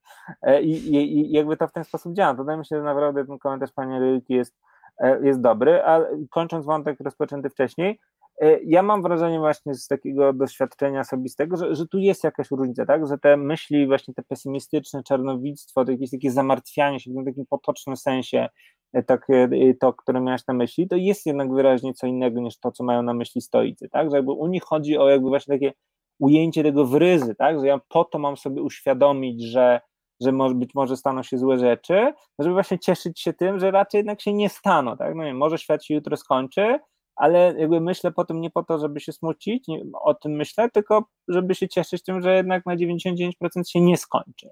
E, I że to właśnie ujęte w ramy pewnej logiki, no może dawać konstruktywny, konstruktywny efekt. Pozdrawiamy pana Stanisława, który nas sobie teraz słucha nad Zalewem Zagrzeńskim. Bardzo przyjemne otoczenie. E, to ja teraz e, zatrzymam się przy temacie, którego zazwyczaj się boję, a muszę ci powiedzieć, że to jest rozdział, przy którym chyba najczęściej się uśmiechałam, paradoksalnie, ale w takim uśmiechu był Już, już się boję. E, ja na przykład muszę Ci powiedzieć, że mm, w Lizbonie mam swoje ukochane miejsce i to jest tak zwany cmentarz przyjemności, tłumacząc to dosłownie na język polski, bo to jest takie miejsce niezwykłe, otoczone spokojem i ciszą, w którym rządzą ci, y, te koty, y, bezszelestne, ale bardzo intensywnie obecne w tym miejscu. I podobnego uczucia doznałam przy lekturze właśnie rozdziału dotyczącego śmierci. Teraz pytanie też do Państwa, bo ja się dzisiaj złapałam na tym, zapowiadając nasze spotkanie, że prawie już przeszło przez moje usta coś takiego, że wszyscy boimy się śmierci śmierci, a potem sobie pomyślałam, hej, przecież nie wszyscy. Więc pytanie do Państwa, czy jest ktoś z Państwa, kto się nie boi śmierci? Mówię o tej śmierci dotyczącej nas samych, nie naszych bliskich. To ja tak? się zgłaszam. Czy, wy, czy wygrałem książkę? Nie boisz się śmierci, tak? No myślę, że nie w tym sensie, o który ci tutaj, o który ci tutaj chodzi. A o jaki sens mi chodzi? Yy, no, no dobra, ale to może dajmy, dajmy chwilę e, czytelnikom, żeby, czy komentującym, Jasne. żeby. Ja sobie aż otworzę to wybitne dzieło y, na tym rozdziale o, y, o śmierci, który jest na stronie. O właśnie. Mm. To ja mogę zacytować fragmenty twoje? No, proszę bardzo. No, no, przywołujesz między innymi Epikura, mm, który w tej najzwięźlejszej wersji brzmiał mniej więcej tak: Nie ma co bać się śmierci, bo jest ona poza naszym doświadczeniem. Gdy tylko się pojawi, nas już nie ma. E, bardzo lubię też te dalsze rozważania, że mądrego i dobrego życia nikt nam już nie zabierze, a jeśli y, nie umieliśmy dobrze i szczęśliwie żyć, no to strata jest niewielka w przypadku śmierci. E, no, ale najbardziej lubię te rozważania, bo nigdy moje myśli w tę stronę nie skręciły. Nie jest wiem, tak, że nigdy. Prosty, że nie tak, mogę? przed urodzeniem. Tak. Tak, nigdy nie jest tak, bo jeszcze część z Państwa pewnie nie czytała, więc będę zanęcać, zanęcać i podsycać apetyt na więcej. Nie jest tak, że nigdy nie doświadczyliśmy niebytu. Nieistnienie po śmierci jest bowiem dokładnie tym samym, co nieistnienie przed narodzeniem, a to każdy tak z nas ma już za sobą. Można wręcz powiedzieć, że dużo więcej mamy doświadczenia w nieistnieniu niż w życiu. Tak Miliardy lat przeciw kilkudziesięciu, a bardzo lubię też Twoje rozwinięcie, że można się przecież zacząć zastanawiać na przykład, gdzie byliśmy, kiedy się toczyła pierwsza wojna światowa, albo jak ktoś lubi większe odstępy czasowe, to na przykład, gdzie my byliśmy, gdy były dinozaury, i to w ogóle jakoś powoduje rodzaj jakiegoś takiego spokoju, przynajmniej y, u mnie coś takiego to wywołało wywołało. E, państwo piszą, o proszę, ja się nie boję. Bardzo dziękuję za ten odzew. Kolejne komentarze. Beata, e, ja raczej się śmierci nie boję. Nie wiem, czy jestem na nią gotowa, ale wiem, że to jedyna absolutnie pewna rzecz e, w moim życiu. Pan Bartek, ten fragment z Apikura przesądza o sprawie, śmierć Panie się Bartku, pojawi pozdrawiam. będzie. Pozdrawiam. To, co przed nią może być mniej ciekawe. Pozdrowienia. I o, to jest y, bardzo ważny komentarz, o którym rozmawialiśmy przed naszym dzisiejszym już publicznym I to, co spotkaniem, pani Małgorzata teraz, to co jest, to jest mhm. jakby, to będziemy drążyć. E, bo to jest tak, że to jest tak, że y, faktycznie jest ten jakby, żeby, żeby, żeby, żeby, żeby tutaj jakby mm, w pewnym porządku. Faktycznie jest tak, że jednym z, jakby jednym z rozdziałów mojej książki, która jest podzielona na rozdziałów tam 28, bo to tego w ogóle nie powiedzieliśmy, tak? 28 takich technik myślowych stoicyzmu. Jednym z nich, i tak się to się składa, że chyba to jest najdłuższy rozdział, bo tam jakby ciągle różne argumenty są mielone, to jest rozdział pod tytułem właśnie e, Nie bój się śmierci, który jest w całości poświęcony rekapitulacji tych sposobów, na jakie, stoi, jakie stoicy przywoływali, żeby się śmierci nie bać, który jest, których jest bardzo dużo, jest jeden argument z Epikura, że śmierć nie dotyczy, który jest taki trochę no nie tego. E, jest argument o tym, że, e, że, że, nie, liczy, że nie liczy się, e, że nie należy się śmierci bać, bo niedługość życia nas powinna interesować, tylko jakby jakość czy stwórczość tego życia, że nie należy przedłużać życia za, za wszelką cenę, że cokolwiek osiągnęliśmy w życiu dobrego, to już tam śmierć nam nie odbierze i tak dalej, i tak dalej, i tak dalej. Jest ten argument faktycznie, który też mi się podoba, ja czuję do niego tak zwaną miętę, bo to jeszcze w liceum sobie uświadomiłem, pamiętam w liceum mieliśmy coś takiego, co się nazywało kafe faza, to było takie kółko filozoficzne, około filozoficzne i tam się, tam się często wspierałem z takim kolegą, e, kolegą Ludwikiem, który e, właśnie z takich pozycji religijno-chrześcijańskich występował raczej i który właśnie zawsze mówił, że to jest przecież absurdalne, żeby jak umrzesz, to co znikasz, no to jest niemożliwe do wyobrażenia sobie, że, że po śmierci ciebie nie ma, tak? E, jakby jeden z głównych problemów filozofii generalnie. E, I będę, że w pewnym momencie tak dostałem takie olśnienia, że kurczę, przecież ty Ludwiku przed swoim urodzeniem no byłeś dokładnie w takim samym stanie. Ty nie musisz robić jakiegoś eksperymentu myślowego, co to znaczy, że nie istnieje po śmierci. Wystarczy przypomnieć, gdzie byłeś w 1920 roku, tak? No właśnie, więc jakby i to jest jakby dla przynajmniej dla, jak widzę dla ciebie i dla mnie też to jest dobry, dobry argument. Natomiast to jest argument przeciwko no jakby przeciwko koncepcji życia po śmierci, tak? W sensie życia pozagrobowego, a nie przeciwko lękowi śmierci, z lękiem, z lękiem śmierci. Fundamentalny problem, y, to jest dokładnie ten, który pani Małgorzata parę chwil temu powiedziała, mianowicie taki, że i to jest rzecz, która faktycznie się nie zmieniła po, w ostatnich, y, no w tych latach od, od, wydania, od pierwszego wydania tej książki, E, że ja sobie świadomiłem, że w tym rozdziale o, o, o niebaniu się śmierci, no ja generalnie zrekapitulowałem te poglądy stoików, tak swoimi słowami i jakby dodałem swoje rzeczy.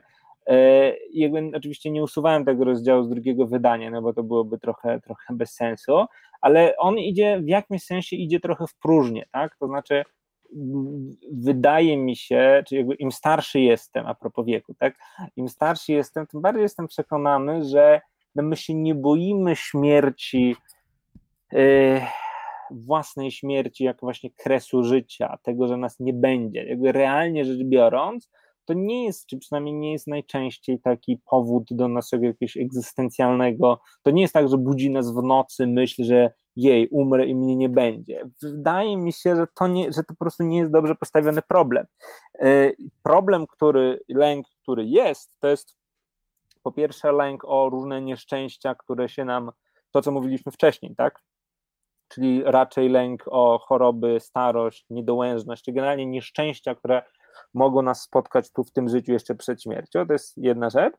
A druga rzecz, no to jest lęk o śmierć bliskich osób, nie mnie samego, tylko właśnie tych innych, tak? I tu jest ten trochę paradoks, że śmierć innego wydaje się tak naprawdę bardziej problematyczna niż śmierć moja własna. I w tym znaczeniu ten, y, ten rozdziałik właśnie nie bój się śmierci, y, jakby wydaje mi się, że to jest taka trochę jakby no dobra artyleria wyciągnięta i tam no to jest najdłuższy rozdział, tam jakby dużo jest takiego bum, bum, bum, tylko że jakby to jest obrona przed przeciwnikiem, który nie nadchodzi chyba, przynajmniej w moim wypadku z tamtej, y, z tamtej strony. Nie wiem, jakby jeżeli Państwo w komentarzach tu teraz napiszą, że wszyscy właśnie się boją śmierci, że że to spędza sens powiek, no to dobra, okej, okay, no to super, no to w takim razie książka jest mądrzejsza niż autor.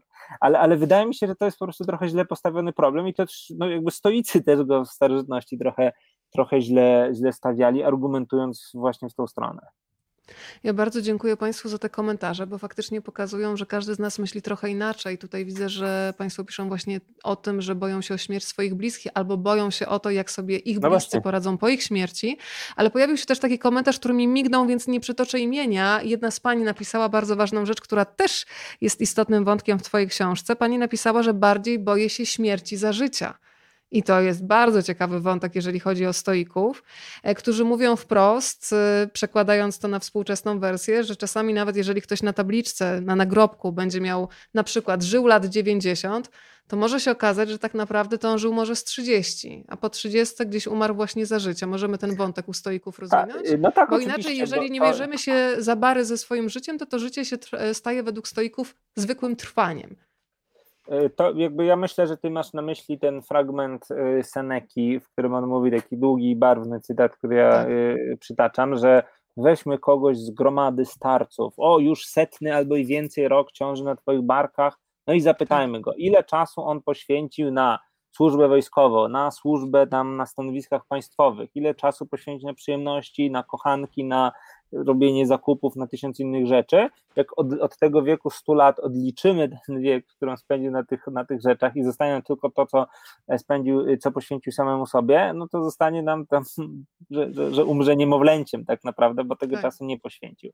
E, I, i, I to jest oczywiście prawda, tak? Znaczy stoicy i tutaj jakby stricte tej linii stoickiej się będę trzymać, że y, no właśnie życie, najpełniejsze ży- życie, no to jest właśnie życie po stoicku, tak? Znaczy stosowanie tych zasad umożliwia, znaczy w ten sposób, stosowanie tych zasad, które opisałem w książce, umożliwia nam najpełniejsze, najbardziej efektywne, najbardziej twórcze życie, największą realizację naszego potencjału, kimkolwiek będziemy, tak? W zdecydowanej większości wypadków. Tak, no bo jeżeli jesteśmy właśnie, nie wiem, romantycznym poetą albo wulgarnym hedonistą, no to może ten stoicyzm faktycznie nie jest dla nas, ale jednak w większości wypadków większość tych wymiarów przestrzeni e, człowieczeństwa właśnie po stoicyzm da nam, da nam największe szanse, żeby zrealizować. E, I w ten sposób unikniemy tej smutnej sytuacji, w której właśnie no niby przeżyliśmy tam 90 lat, no ale się okazuje, że to było takie hmm, no i to jakby stoicyzm jest tutaj y, jakby takim drogowskazem, jak to, jak to próbować osiągnąć. Minęła nam, słuchaj, godzina. Nie wiem kiedy, nie wiem jak, ale powiedziałam, że nie przywiązujemy do czasu w tej rozmowie, tylko dajemy przestrzeń, żeby każde słowo faktycznie miało e, czas, żeby wybrzmieć, ale przy czasie się zatrzymajmy. Bardzo lubię ten rozdział i przyznaję Ci, że sama nad tym pracuję od początku tego roku, żeby dużo uważniej niż na przykład swoim finansom przyglądać się temu, jak gospodaruję własnym czasem. E, I piszesz tak, lubimy starać się dbać o finanse, za to dużo mniej roztropnie gospodarujemy tym, co jest od nich stokroć cenniejsze, mianowicie naszym czasem i energią. Nagminnie inwestujemy je w sprawy, które nie są ich warte, poświęcamy całe godziny i dni rzeczom, które nie są warte minut. Nieprawda, że życie jest krótkie, ale prawdą jest, że sami je sobie skracamy. Skracamy je, marnując dany nam czas na rzeczy błahe i zbędne, Szanujmy czas, a na pewno nam go wystarczy. E, I proponujesz takie proste ćwiczenie. Ja przyznaję, że taki zeszycik sobie założę, żeby zrobić mm, taką tabelkę, na co ten czas poświęcamy. I jedno proste zdanie mnie tak otrzeźwiło, że jak mamy rachunki finansowe, to mamy przychód i rozchód, a tutaj no, nikt nam nie dorzuci dodatkowego czasu, więc tym bardziej skrupulatnie warto sobie to rozrysowywać. Miałeś w ogóle w swoim życiu zawodowym taki moment takiego przebudzenia, żeby na przykład nie brać 12, nie łapać 12 srok za ogon, tylko stwierdzić, że ten twój czas jest za cenny i wolisz na przykład zrobić jedno większe zlecenie i odpuścić tą drobnicę, która powoduje, że twoja energia w pewnym momencie jest już na poziomie zero. To zacznę od końca i dobre pytanie, bo się zacząłem zastanawiać. Wiedziałem, co chcę powiedzieć, ale ten ostatnie pytanie mnie trochę zaskoczyło i, i, i tutaj jest. Od tego tu ja jestem. Się, czy ja się właśnie, widzisz, to ja nie, ja, chyba nie. Yy, jakby ze względu na specyfikę tego, co robię, to jakby chyba mi się jeszcze nie zdarzyło, żeby, żeby, żebym jakoś tak masowo, znaczy trudno powiedzieć. Ja mam raczej poczucie, że staram się przykładać yy, wagę do jakby jakości tego, co robię, jakby w kategoriach jakości bardziej niż ilości, tak? To znaczy raczej myślę, że jeżeli to mi zaczyna wchodzić na jakość tego, co robię, to wtedy czuję, że tu albo ówdzie muszę odpuścić. Yy, Jakby w kategorii taka czysto ilościowa, właśnie w zawodzie takim twórczym, to nie do końca jest to, o co, yy, o co chodzi. To raz. Dwa, jakby to wszystko, co powiedziałaś, tak jest, to jest taka, i to nie ja wymyśliłem, tak, to jest, to jest z Epikteta albo z Seneki, Epiktet albo Seneca, Seneca chyba, tak z ducha tego wnioskuję, wstecznie. Mam fragment Seneki, słuchaj. No właśnie, Rzecz no ma się Seneki, następująco. No nie otrzymaliśmy życia krótkiego, lecz czynimy je krótkim. Tak Pod względem zaś jego posiadania nie jesteśmy nędzarzami, ale marnotrawcami. Tak, i to jest tak, że jakby ta metafora, czy jakby ten, ten schemat myślenia, że z, z finansami, że z czasem powinno być tak jak z finansami, y, no jest y, bardzo, myślę, trafny, tak, zwłaszcza w naszych czasach, Yy, zwłaszcza w naszych czasach. Wiem, wiem, że w ogóle być może nas tutaj coś mi mówi, że mogą nas słuchać e, czytelnicy bloga e, Jak oszczędzać pieniądze Michała Szafrańskiego, także pozdrawiam. E, I to może być, zwłaszcza, zwłaszcza w tym środowisku, może być to czytelna metafora, ale właśnie chyba czytelna dla wszystkich, tak? Bo jakby no my jesteśmy jednak wychowani w takim duchu, w którym jakby też oczywiste, że nikt nie chce rozdawać swoich pieniędzy, jakby no, nikt nie Y, hasła do swojego konta internetowego, no nikt nie napisze na Facebooku, to właściwie jest dobra w sumie metafora, tak, żeby nikt nie napisze na Facebooku przecież hasła do swojego konta, tak, bo by mu natychmiast wszystko zostało y, zabrane, tak, rozkradzione, ale przecież czymże innym jest, chciałbym powiedzieć, no w ogóle funkcjonowanie na Facebooku, tak? Jeżeli ja sobie wchodzę na tego Facebooka i sobie zaczynam scrollować, no to jest przecież dokładnie to, tak? Jakby ja wystawiam się na strzał, żeby zostać obrabowanym, może nie z pieniędzy, ale z no, tego godziny, czy jakiejś tam y, objętości czasu, którą mam, no bo zaraz się jakiś flame, ktoś coś napisał, muszę sprawdzić, wejść, odpowiedzieć i jakby i to mnie wsysa. I to jest jakby dokładnie to, ta sama uważność, którą którą jest, y, co, co do której jesteśmy wychowani, jakoś tam przyzwyczajeni, że powinniśmy wobec pieniędzy mieć y, i wobec spraw finansowych, no to powinna być wobec naszego czasu, żebyśmy go po prostu nie trwonili na, na głupoty. Z tym, że myślę, że to też trzeba rozszerzyć i, i, i to myślę jest oczywiste, tak? Tylko, że y, chyba trzeba rozszerzyć ten, to, ten czas, tak? W sensie, że, że nie tylko o czas chodzi, w sensie bezwzględnej w, tych, w tym wszystkim, o czym tutaj mówimy, to nie tylko chodzi o czas w znaczeniu właśnie takiej fizycznej wielkości, bezwzględnej e, liczby e, godzin, minut, dni i tak dalej, e, tylko też chodzi o taką uważność czy energię psychiczną. I to znów, wydaje mi się, że w czasach obecnych, pandemicznych widać szczególnie mocno, no, że każdy z nas ma jakby liczba godzin w dobie jest ograniczona, no to jest oczywiste, ale ograniczona jest też liczba godzin jakby konstruktywnych, które są jakby wyższą wartością niż tamte, tak, jakby uważnie robić rzeczy, twórczo pracować, no ja jestem w stanie robić tylko tyle, a tyle godzin w dniu czy tygodniu, jeżeli zacznę tą liczbę systematycznie przekraczać i jakby będę na tym jakby rezerwie jechał długo, no to to jakby zacznę uderzać w ścianę, tak, nie jestem w stanie tego pomnożyć. Nawet jeżeli jakby mam fizycznie ten czas, że go mam jeszcze tam dwie godziny na coś, no to jakby może już mi nie starczyć uwagi, żebym ja nie wiem, z, z córką się bawił wystarczająco uważnie, czy czy, czy coś napisał dobrze, czy, czy miał jakieś wartościowe, czy coś w ogóle wartościowego zrobił. Także ten czas jakby zaczyna się rozsypywać w czas takiej niskiej jakości, tak? Bo jakby niby mam go, ale już wiem, że nic konstruktywnego nie zrobię. I, i w pewnym sensie to w ten sposób o tym trzeba myśleć, nie tylko czas w znaczeniu minut i godzin, ale właśnie taka uważność, energia psychiczna, której każdy z nas ma tylko ograniczoną ilość i ona nigdy nie będzie, nigdy nie będzie rozszerzana w nieskończoność, więc na to trzeba uważać. Bardzo podoba mi się w stoicyzmie to, że trzeba wziąć po prostu życie w swoje ręce. Podoba mi się to zdanie o tym, żeby skończyć z kwękaniem, bo z tego kwękania nic nie przychodzi, faktycznie to jest strata energii. E, jest taki fragment, kiedy piszesz: Nie ma sensu oburzać się, że kontrahenci nie dotrzymują terminów, a klientów jest mniej niż byśmy chcieli. Takie są bowiem reguły gry. Jeśli ich nie akceptujemy, powinniśmy znaleźć sobie posadę w budżetówce. I doskonale to rozumiem. Myślę, że z tym no. się identyfikuje wielu freelancerów, że są plusy sytuacji, kiedy jesteś sobie panem, powiedzmy, czyli masz tę wolność dobierania współpracowników. No, budżetówka powoduje, że ten przelew jest zawsze tam do któregoś dnia w miesiącu, ale jednocześnie jesteś bardzo mocno ograniczony przez schematy i nie masz aż takiego wpływu na to, co chcesz robić. I tutaj przechodzimy do zagadnienia, które się nazywa takim stwarzaniem alternatywnych światów, tak? Alternatyw, żeby zdecydować, czy jestem w tym życiu szczęśliwy. Jeżeli nie, no to trzeba coś z tym zrobić, albo przynajmniej przestać narzekać, bo od tego narzekania nic się nie zmieni.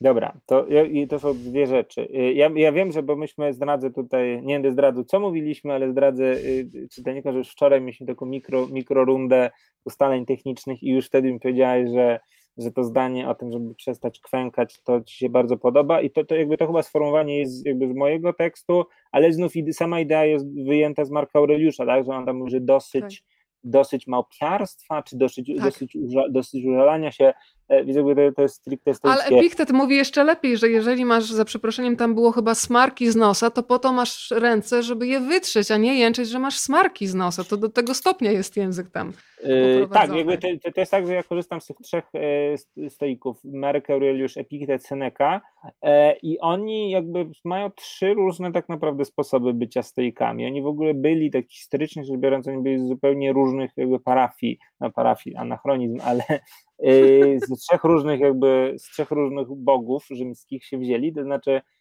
Marek Aureliusz, jak pewnie Państwo wiedzą, był cesarzem rzymskim, tak, czyli był na samym topie. Y, Seneca był oligarchą na dworze Nerona, oligarchą używając dzisiejszego terminu y, i przez pewien czas w ogóle de facto sprawował władzę cesarską, ale później łaska, łaska się skończyła pańska i musiał, dostał rozkaz popełnienia samobójstwa, mówiąc, mówiąc wprost, a z kolei Epiktet był, no, urodził się jako niewolnik i był wyzwolo, wyzwoleńcem, tak, był wyzwolony, no ale jakby był na samych dołach tej hierarchii społecznej, więc jakby te, ci trzej autorzy, oni są z trzech różnych zupełnie miejsc w życiu yy, i oni są też, jakby mają trzy różne takie style opowiadania o tym stoicyzmie, bo Epiktet i każdy z nich jest różny i jakby one też tak fajnie trafiają do właśnie trochę w różne gusta, tak, pokazują, że to może się dziać na różne sposoby, mówiąc tak najkrócej, Epiktet jest taką właśnie dosyć dosyć soczystą gawędą, znaczy gawędą, no to jest wykład filozoficzny, ale jest on taki soczysty, właśnie takie sformułowania, że lecą ci smarki, to wytrzyj je, chłopku, do, ogarnij się. Jakby... Niemrawcze, tam jest też takie Niemrawcze, tak, bo to jest też przekład, yy, nie pamiętam autora yy, Kumanowicza, yy, przekład jest z, jeszcze z lat 50., tak, czyli jest tam cała ilość barwnych słów, więc jest w ten sposób powiedziane. Seneca to jest taki bardzo ma być taki bardzo medialny, mówiąc dzisiejszym językiem, filozof, właśnie wysmakowane, y, pełne okresy zdaniowe, efektowne, dopracowane, takie no widać, że jakby z wyższych sfer. Na, TEDx, kolei... na TEDxie byś się sprawdził, nie?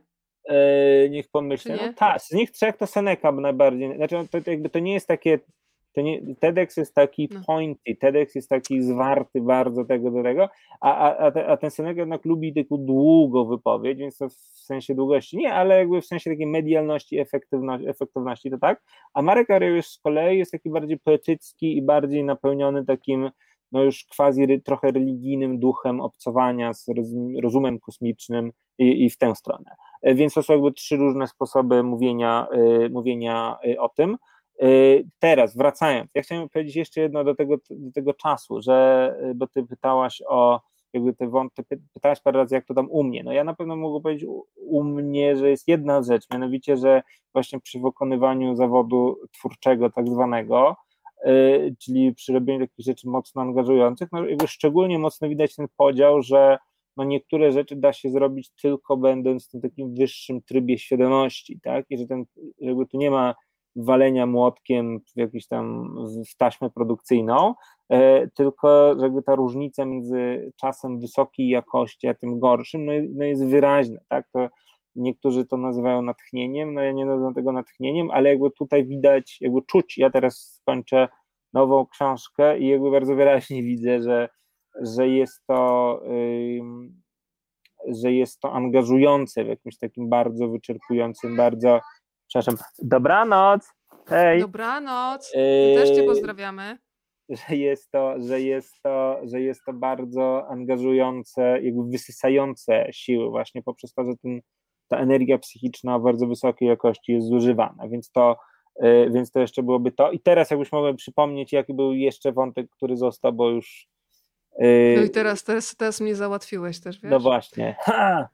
Ha, rozmawialiśmy o tych różnych czasach, tak. Poczekaj, bo już sobie przywróciłam na kolejną e, kartkę, a już wiem.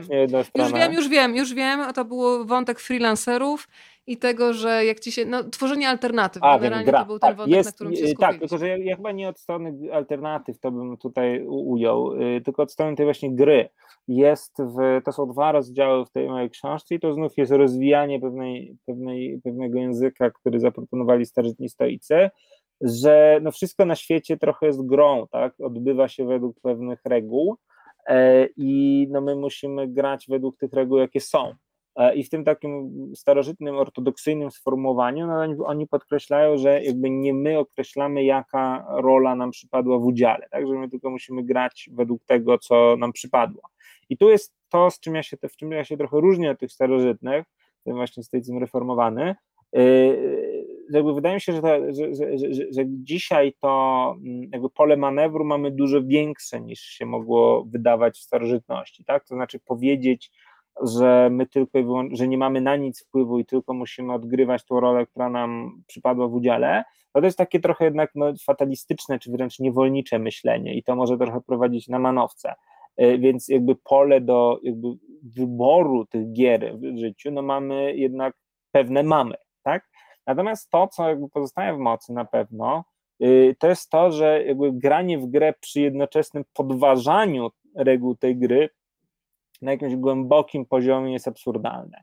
E, I tutaj chciałem przytoczyć jakby przykład, który jest dla mnie takim archetypem przykładu tutaj, mianowicie e, Tomasz Mazur, czyli inny autor e, stoicki polski, który tak się składa, był promotorem mojej pracy magisterskiej już no, naście, nie, naście, dwa, 11 lat temu.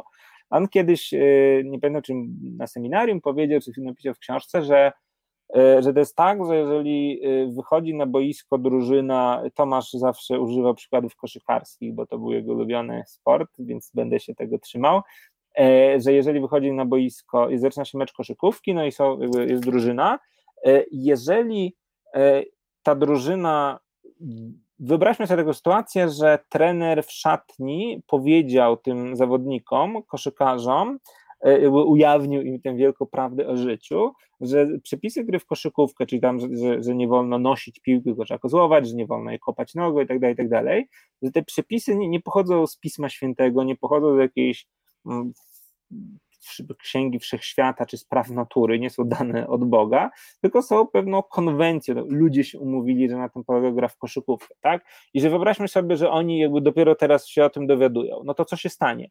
Jeżeli oni E, wyjdą na boisko i zaczną jakby celowo podważać reguły tej gry, zaczną kopać tą piłkę, pluć na przeciwników, jakby robić te wszystkie, powiedzmy, wszystkie faule, no to wtedy mecz się nie odbędzie, tak?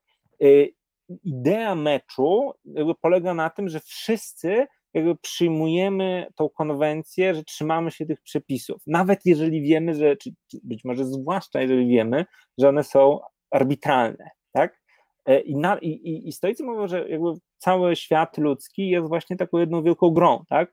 I ci, którzy wy, wychodzą na boisko e, i właśnie podporządkowo, znaczy podporządkowo zgadzają się na reguły tej gry właśnie po to, żeby ten mecz się odbył, nawet nie po to, żeby wygrać, ale w ogóle, żeby mogła zaistnieć ta gra, no to są właśnie stoicy. A z drugiej strony, jeżeli po przeciwnej stronie będzie drużyna, która której idea, że te prawa są arbitralne i że to jest tylko konwencja, że im to rozsadzi umysły i po prostu nie będą w stanie niczego o niczym innym myśleć i zaczną jakby dla samej radochy celowo tylko podważać te reguły i rozwalać grę, to będą filozofowie cyniccy z kolei. Cyniccy w tym starożytnym znaczeniu starożytnej szkoły, a nie współczesnego słowa Yy, słowa cynizm. I ta metafora myślę jest bardzo, bardzo dobra, tak? bo to jest tak, że faktycznie w bardzo wielu przypadkach no, jest absurdem robienie czegoś, granie w pewną grę, a, a wszystko w społeczeństwie pewną grą, i jednocześnie podważanie tego. I te, to jest coś, co czego naprawdę tutaj bym się trzymał. Ale czuję, że pytanie jakieś nadchodzi z twojej strony. Nadchodzi, słuchaj, kolejne pytanie, chociaż przypomniałeś mi takiego mojego znajomego, który miał taki zwyczaj, że regularnie narzekał na pracę, którą wykonuje i podsuwałam mu kilka rozwiązań i zawsze miałam wrażenie, że bawimy się w zabawę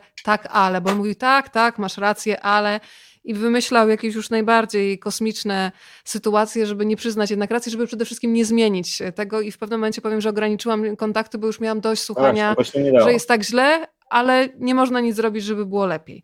Chciałabym teraz zapytać Państwa, którzy są z nami po drugiej stronie, jak często sami w swojej pracy, w życiu prywatnym e, stykacie się z hejtem, bo pomyślałam sobie, że od stoików też się można czegoś bardzo ważnego nauczyć, e, bo Ty piszesz, Piotrze, coś takiego, że źródłem przyjemności tych, którzy hejtują, nas obrażają, nie jest samo obrażanie, ale dopiero cierpienie, jakie uda się takim, a nie innym hasłem wywołać.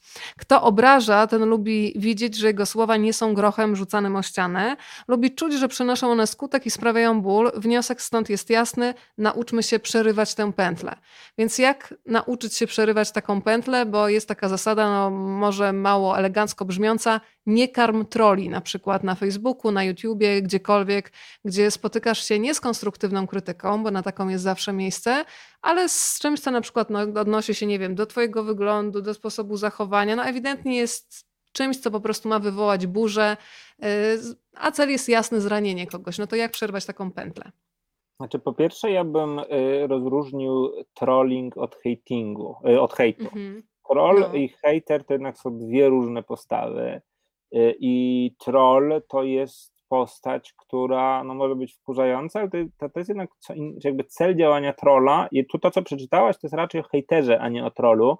Tak. Cel działania trolla jest czymś, to jest co innego. To, o, i teraz jest. Opowiedz jest, mi o trollu, teraz słuchaj, jest bardzo ciekawe. Słuchaj, słuchaj, no. to co ja powiedziałem przed chwilą, co doktor Tomasz Mazur na tym seminarium mówił w 2007, to musiał być ósmy albo siódmy rok, to w pewnym sensie nie są cynicy ci filozofowie tamci, tylko to są troll, troll, trolle, czy troll, trollerzy, jak to się mówi właściwie, trollo, to są ci tr. Możemy sobie stworzyć troli prostu. Ludzie, no. którzy jakby same uświadomienie sobie, że rzeczy są konwencjonalne i że te konwencje da się rozbić. Ludzie, którzy, no, Jaś Kapela, książka Dobry Troll, tak? Ludzie, którzy no, po prostu przy, kompulsywny przymus rozbijania tych konwencji dla samego, dla samej radości pokazywania, że da się je rozbić, to są właśnie, kiedyś byśmy powiedzieli, że to są filozofowie cynicy, dzisiaj powiemy, że to są trole, tak? E, tylko, że troll przy całej wkurzającej, przy całej tej iry, iry, irytacji, którą może budzić, no może mieć też pewne konstruktywne cele, tak? Znaczy on może pokazywać pewne rzeczy, których się nie da pokazać w inny sposób,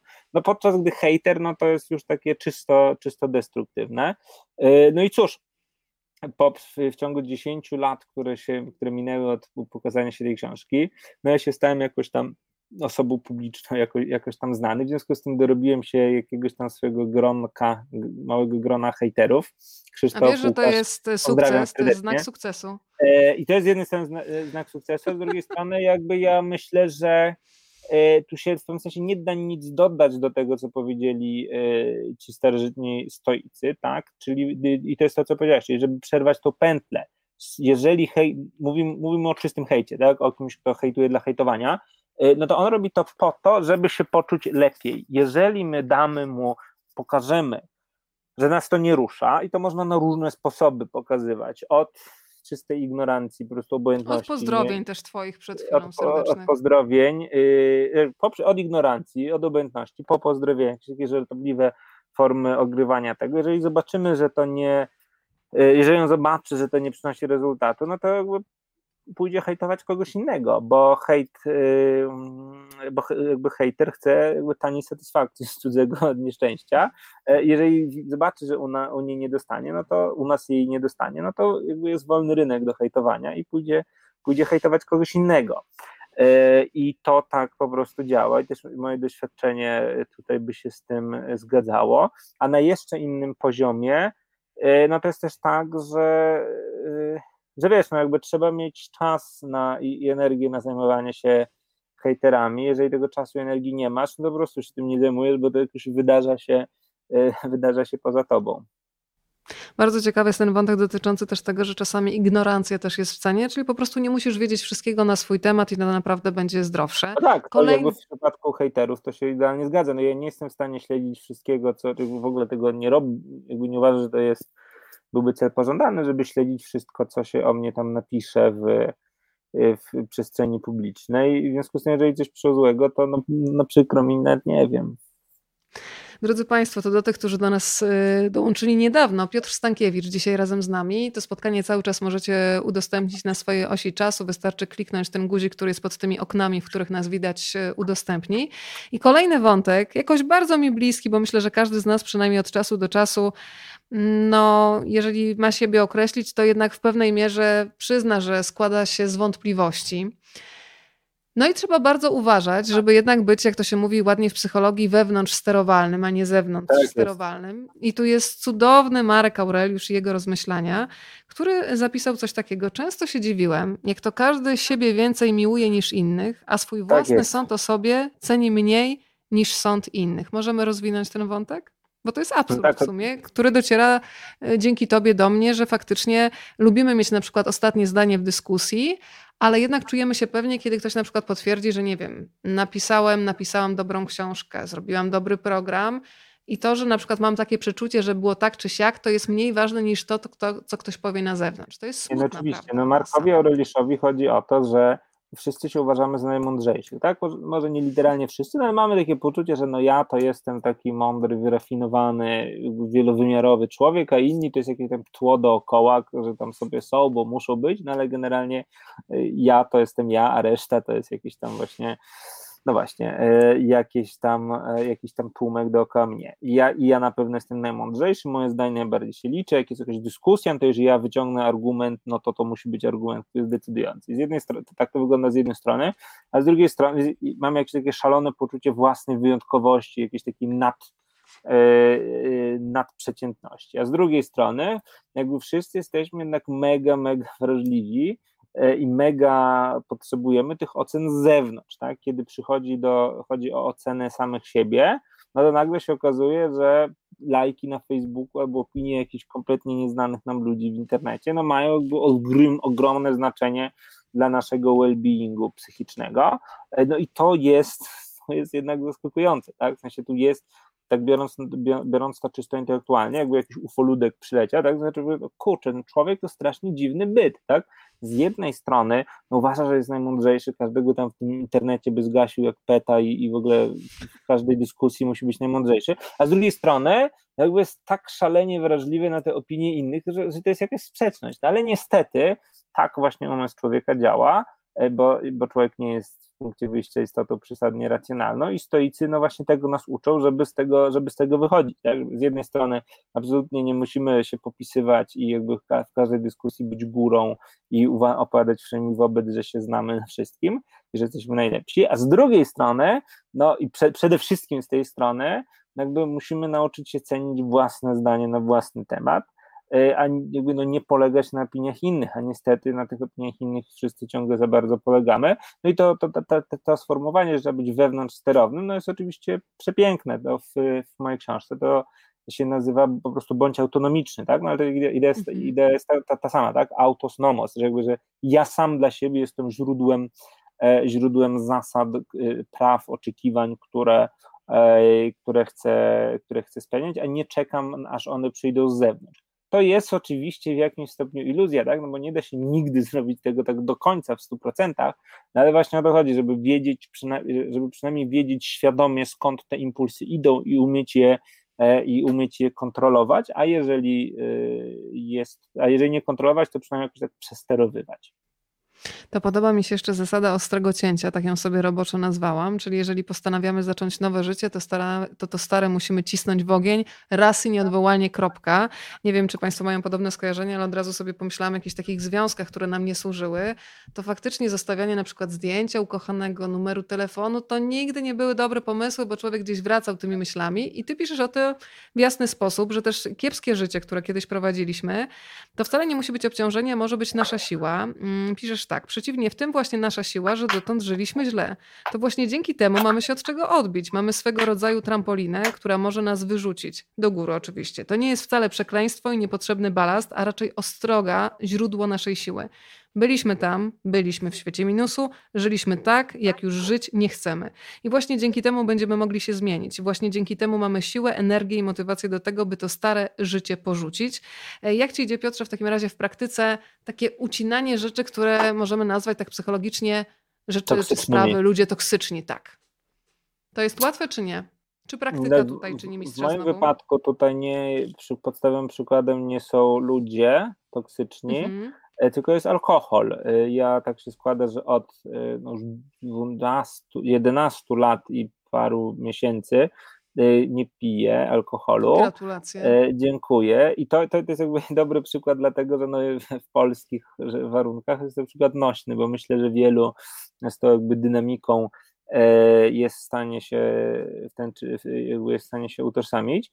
E, I tutaj no oczywiście to jest dokładnie to, tak, no, że jakby jak już przez to pamiętam, że właśnie e, to był w pociągu ze Szklarskiej Poręby do Warszawy Wschodniej, właśnie ostatnie piwo e, w życiu wypiłem, no i później już absolutna abstynencja. E, i to jest dla mnie taki bardzo wyraźny przykład tego, że zrobienie mm, tego w sposób ostry i taki zdecydowany no jest, jed, jest jedynym sensownym rozwiązaniem, dlatego że trwanie w półśrodkach, tak, no tra- trwanie w półśrodkach jest trwaniem w tym jakby przeszłym życiu, tak, E, jakby teorie, e, są jakby różne teorie na temat leczenia uzależnień i e, jakby dominująca do, jakiś, do jakiegoś czasu temu, bo właśnie ta teoria, że, nawe- że jakby jedynym sensownym celem jest stuprocentowa abstynencja, czy to będzie alkohol, czy to będzie jakieś inne uzależnienie. Dzisiaj się jakby pojawi, co coraz, coraz szerzej są, są słyszalne też głosy, że, że niekoniecznie tak musi być, że właśnie różne formy redukcji szkód i jakby uczenia się kontroli mogą być e, sensowne. No jakby w moim wypadku jednak e, ten pierwszy model, tak, zwłaszcza jeżeli to no, nie chodzi tylko o jakiś jeden problem, czy to będzie alkohol, czy to będzie papierosy, czy to będzie coś innego, ale chodzi o pewien właśnie szerszy proces zmieniania życia na lepsze, no to właśnie ważne jest, żeby to było takie dobitne, tak, żebyśmy mogli sobie powiedzieć, że ucinamy wszystkie e, rzeczy, które się z danym problemem wiążą i przechodzimy na nowy etap. E, I, więc to w moim wypadku jest, e, jest ten przykład. No jest to myślę coś, co na pewno się udało i na pewno bardzo dużo mi dało. Jeżeli chodzi o ludzi, no to mm, hmm, ja myślę, że w, powiem tak, myślę, że w obecnej chwili mało mam. Yy, Jeżeli chodzi o ludzi, to trochę jest inaczej. Myślę, że w obecnej chwili mało mam w swoim otoczeniu osób toksycznych, ale to nie jest dlatego, że dokonałem jakichś radykalnych cięć, może na mnie dokonano, tylko ja nie widziałem o tym. Ja tylko raczej po prostu już jestem na tyle chyba dojrzały i ogarnięty, że, że, że, że czuję natychmiast, kto jest toksyczny, a kto nietoksyczny. No i z osobami toksycznymi po prostu no, nie wchodzę w bliższe zażyłości, więc później nie ma, nie ma problemu, bo nie ma co, e, nie ma co ucinać. To pytanie podstawowe, które po Twojej książce człowiek sobie musi zadać, to jest pytanie o to, czy jest zadowolony ze swojego życia, czy wiedzie życie szczęśliwe. I zdałam sobie sprawę z tego, o czym mówi wiele osób teraz w trakcie pandemii, kiedy zostaliśmy jakby siłowo zatrzymani. Wiele osób mówi to wprost i myślę, że to już jest wielki plus, że jesteśmy w stanie to przyznać, że żyliśmy taką siłą rozpędu. I tutaj przychodzi mi mm, w sukurs Seneca, który mówi dla żeglarza, który nie wie do jakiego portu podąża, niepomyślny jest y, każdy wiatr. Pytanie, jak często sobie warto aktualizować taką wiedzę, odpowiedź na to pytanie. Bo czasami się orientujemy, że coś, co było dla nas ważne, nie wiem, 5 lat temu, nagle tę ważność straciło, a my dalej jesteśmy w tym samym kołowrotku. Jak często aktualizujesz pytanie, czy jest ci dobrze w życiu? Nie, to jakby, ja, ja odpowiem jakby z innej beczki, bo powiedziałeś Dobra. już o pandemii, skoro padło Tak. to słowo, to, to, to pociągnę. Ja myślę, że pandemia pokazała bardzo wielu ludziom na bardzo, na bardzo wielu różnych sposobach, sposobach i, i, i jakby z różnym stopniem tragikomizmu, bo czasami to stricte tragicznie czy bardzo smutno wyszchodziło, a czasami na raczej taki sposób humorystyczny, e, no, że to życie, które wiedliśmy i to, jak ono było skonstruowane przed pandemią dotąd, jakby e, całymi latami, no nie było bynajmniej życiem satysfakcjonującym, tak? To znaczy, no jakby zewsząd są historie o tym, że no są, jakby było mnóstwo par, które niby były ze sobą szczęśliwe i, i jakby fajnie funkcjonujące, ale w momencie, kiedy się okazało, że jest no, lockdown i trzeba przez wiele tygodni, jeśli nie miesięcy siedzieć zamkniętym w czterech ścianach, jeszcze nie daj Boże z dzieckiem, to nagle się okazuje, no, że ci ludzie nie mają ze sobą o czym rozmawiać, albo w ogóle się nie znoszą, kompletnie nie są w stanie razem funkcjonować, dlatego że ich życie opierało się na rzeczach zewnętrznych, mówiąc po stoicku, tak? Na tym, że na takie czy nie nie wiem, aktywności, w, że się chodziło na jakieś imprezy, robiło to, a tamto, tak? Że była, była pewna kon, zewnętrzna konwencja, no, w ramach której się funkcjonowało. Natomiast w momencie, kiedy bum, przyszedł COVID i tą konwencję wyłączył i zostawił to jakby nagie życie i to jeszcze takie ściśnięte, jak, jak, jak w gwieździe neutronowej, jakby bardzo mocno ściśnie, przyciśnięte tym COVID-em, to nagle się okazało, że, że to bynajmniej nie jest satysfakcjonujące. No i jakby ja znam dwucyfrową liczbę rozstanie rozwodów w swoim ze, swojej, ze swojego otoczenia, ze swojej bańki społecznej i to jest jakby statystycznie, to jest i wszystko w covid tak, i statystycznie to jest bardzo dużo.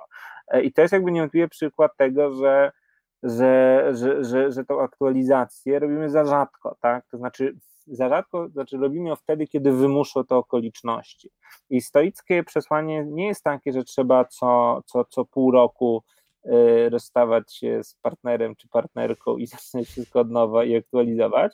Natomiast stoickie przesłanie jest takie, że trzeba to robić świadomie y, i to jakby w sposób wewnątrz sterowny, czyli nie dopiero wtedy, kiedy przyjdzie COVID i po prostu zmiecie wszystko z planszy, tylko jakby z własnego wyboru raz na czas jakiś. I tu częstotliwość no to już zależy od okoliczności i, e, i trybu życia danej, danej jednostki. Natomiast no, chodzi o to, żeby to, to zrobić jakby na własnych, na własnych zasadach i wtedy, kiedy nam to jest potrzebne i nam to pasuje. I to jest coś, co jakby rzadko się dzieje, prawda? Bo jakby z reguły te wszystkie doświadczenia graniczne, tak, sytuacje kryzysowe, jakby biorą się stąd, że y, nie wiem, jakieś nie wiem, choroba w rodzinie, powiedzmy, odpukać, tak?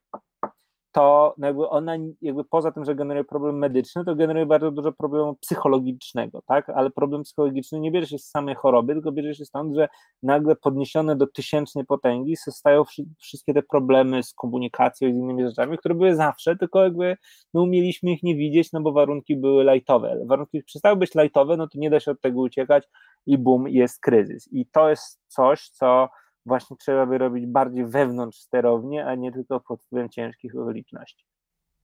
Piotrze, przypomnijmy jeszcze, do kogo trafią dzisiaj dwie książki, bo ty powiedziałeś o takich dwóch pociskach, które powinny tutaj słownych e, trafić. Jeden, który ma być, rozumiem, prostoicki, czyli the best of stoicyzm, tak? Czyli to, co z państwem współgra i co najbardziej z nauki e, stoików e, współgra z waszym życiem. A druga kategoria to rozumiem, że będą punktowane te komentarze, które będą no, podważać jakąś spójność stoików. O to chodzi? E, nie, no to, to twój program, to ty decydujesz, ale taka Ja ci powiedziałam, że tutaj, wiesz, mówimy, że tutaj się ja bawimy, myślę, wiesz, to, to, w cyferki, a to jest. To była pani Małgorzata bodajże, e, tak. powiedziała, że, że te jakby nadmiar zamartwiania się wynika z, z, takiej patologicznej potrzeby kontroli i to mi się wydaje dobrym mhm. kandydatem na na, na, na, na taki stoic, ściśle stoicki komentarz, to co mówiliśmy wcześniej, tak, że, jakby, że ja sobie uzurpuję prawo, że przewidzę przyszłość, e, Natomiast e, ten antystoicki to, to jeszcze chyba czekamy, tak? Czy bo ja to nie, nie, nie, nie, nie miałem podglądu na, nie miałem będziemy śledzić, dajemy Państwu czas nawet do piątku. E, wtedy spokojnie będziemy, będziemy mogli sobie prześledzić też komentarze, te, które też się będą pojawiać już po transmisji live, bo wiem, że spora część z Państwa sobie potem odtwarza e, nasze spotkania. Słuchaj, zatrzymajmy się przy Senece po raz kolejny o pokoju ducha. Ja napisałam tak w zapowiedzi, że Seneka mnie uczy odpoczywać. I myślę, że pandemia przyniosła coś dobrego, jeżeli chodzi na przykład o relacje w pracy dotyczące tego, czy przychodzimy do pracy, kiedy jesteśmy chorzy. Ja myślę o sytuacjach oczywiście przedpandemicznych, kiedy pewnie nie raz, nie dwa byłeś świadkiem tego, że ludzie zażywali ferweksy, teraflu, cudawianki, żeby tylko przyjść do tej pracy i skończyć, zarazić pół oczywiście towarzystwa, które z, z nami pracuje, ale za wszelką cenę nie poddają się chorobie, nawet w reklamach to widać, Przesuń, przewiń chorobę, w ogóle od razu się stajesz nie mam czasu na wyraźny. było takie o, dokładnie, co jest absurdalne, a teraz mam wrażenie, że to jest faktycznie jedna rzecz, która nam może zostać, że telefon, w którym informujesz, że jesteś chory, nawet jeżeli masz test negatywny, wszyscy ci mówią zostań w domu. I to jest y, ten plus. Natomiast wrócę do Seneki, który pisze coś takiego. Przede wszystkim trzeba właściwie ocenić swoje siły, ponieważ bardzo często myślimy, że potrafimy więcej niż możemy wykonać. Jeden doznał porażki wskutek zbyt wielkiej ufności w swoją wymowę, drugi liczył na dochody z majątku większe niż mógł je otrzymać, trzeci zbyt wytężoną pracą doprowadził wątłe ciało do ostatecznej ruiny. To skupmy się nad tym wątłym ciałem. Bo myślę, że to jest rzecz, y, mm, nad którą bardzo rzadko się zatrzymujemy. To jest kolejna rzecz, nad którą pracuję w tym roku, żeby w kalendarzu wpisywać czas na odpoczynek. Bo jeżeli on nie znajdzie się w kalendarzu fizycznie, w formie, nie wiem, randki, Tak, tak, spaceru, tak, tak, tak. kina, spotkania z przyjaciółmi, to jest najłatwiejsza rzecz, którą łatwo wyrzucić z głowy. O, nowe zlecenie, to wiecie co, nie pójdę już na ten spacer. To jest tak strasznie przesuwalne.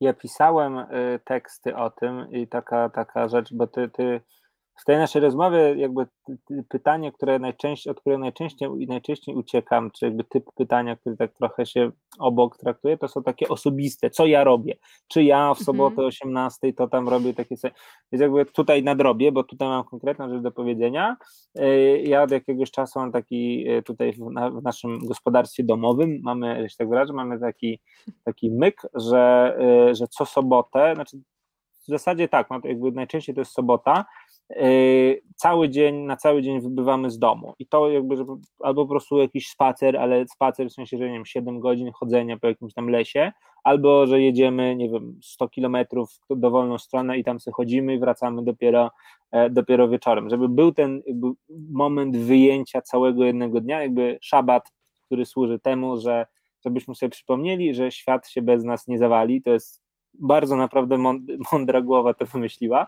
E, i to jest jakby, zwłaszcza w połączeniu z tym takim autodoryzmem, tak, żeby to jednak było ileś godzin na świeżym powietrzu, zrobienie czegoś, spacer dookoła jeziora, tak, jakby tutaj pandemia, polecam, jest taki tekst nano wyprawy, jak Państwo zgooglujecie, to na pewno od razu wyskoczy, w którym właśnie o tym mówię, tak, że zwłaszcza pandemia to podkreśla, że też nie musimy myśleć w kategoriach, że trzeba pojechać do jakiejś Himalaje czy na jakąś Islandię, bo tam to jest fajnie, jest turystyka, no nie, wystarczy pojechać do sąsiedniego powiatu i tam też są fajne rzeczy i miejsca, tylko trzeba umieć ich szukać, tak, a pandemia akurat nas zmusiła do szukania ich i to jest, to jest taki trochę plus.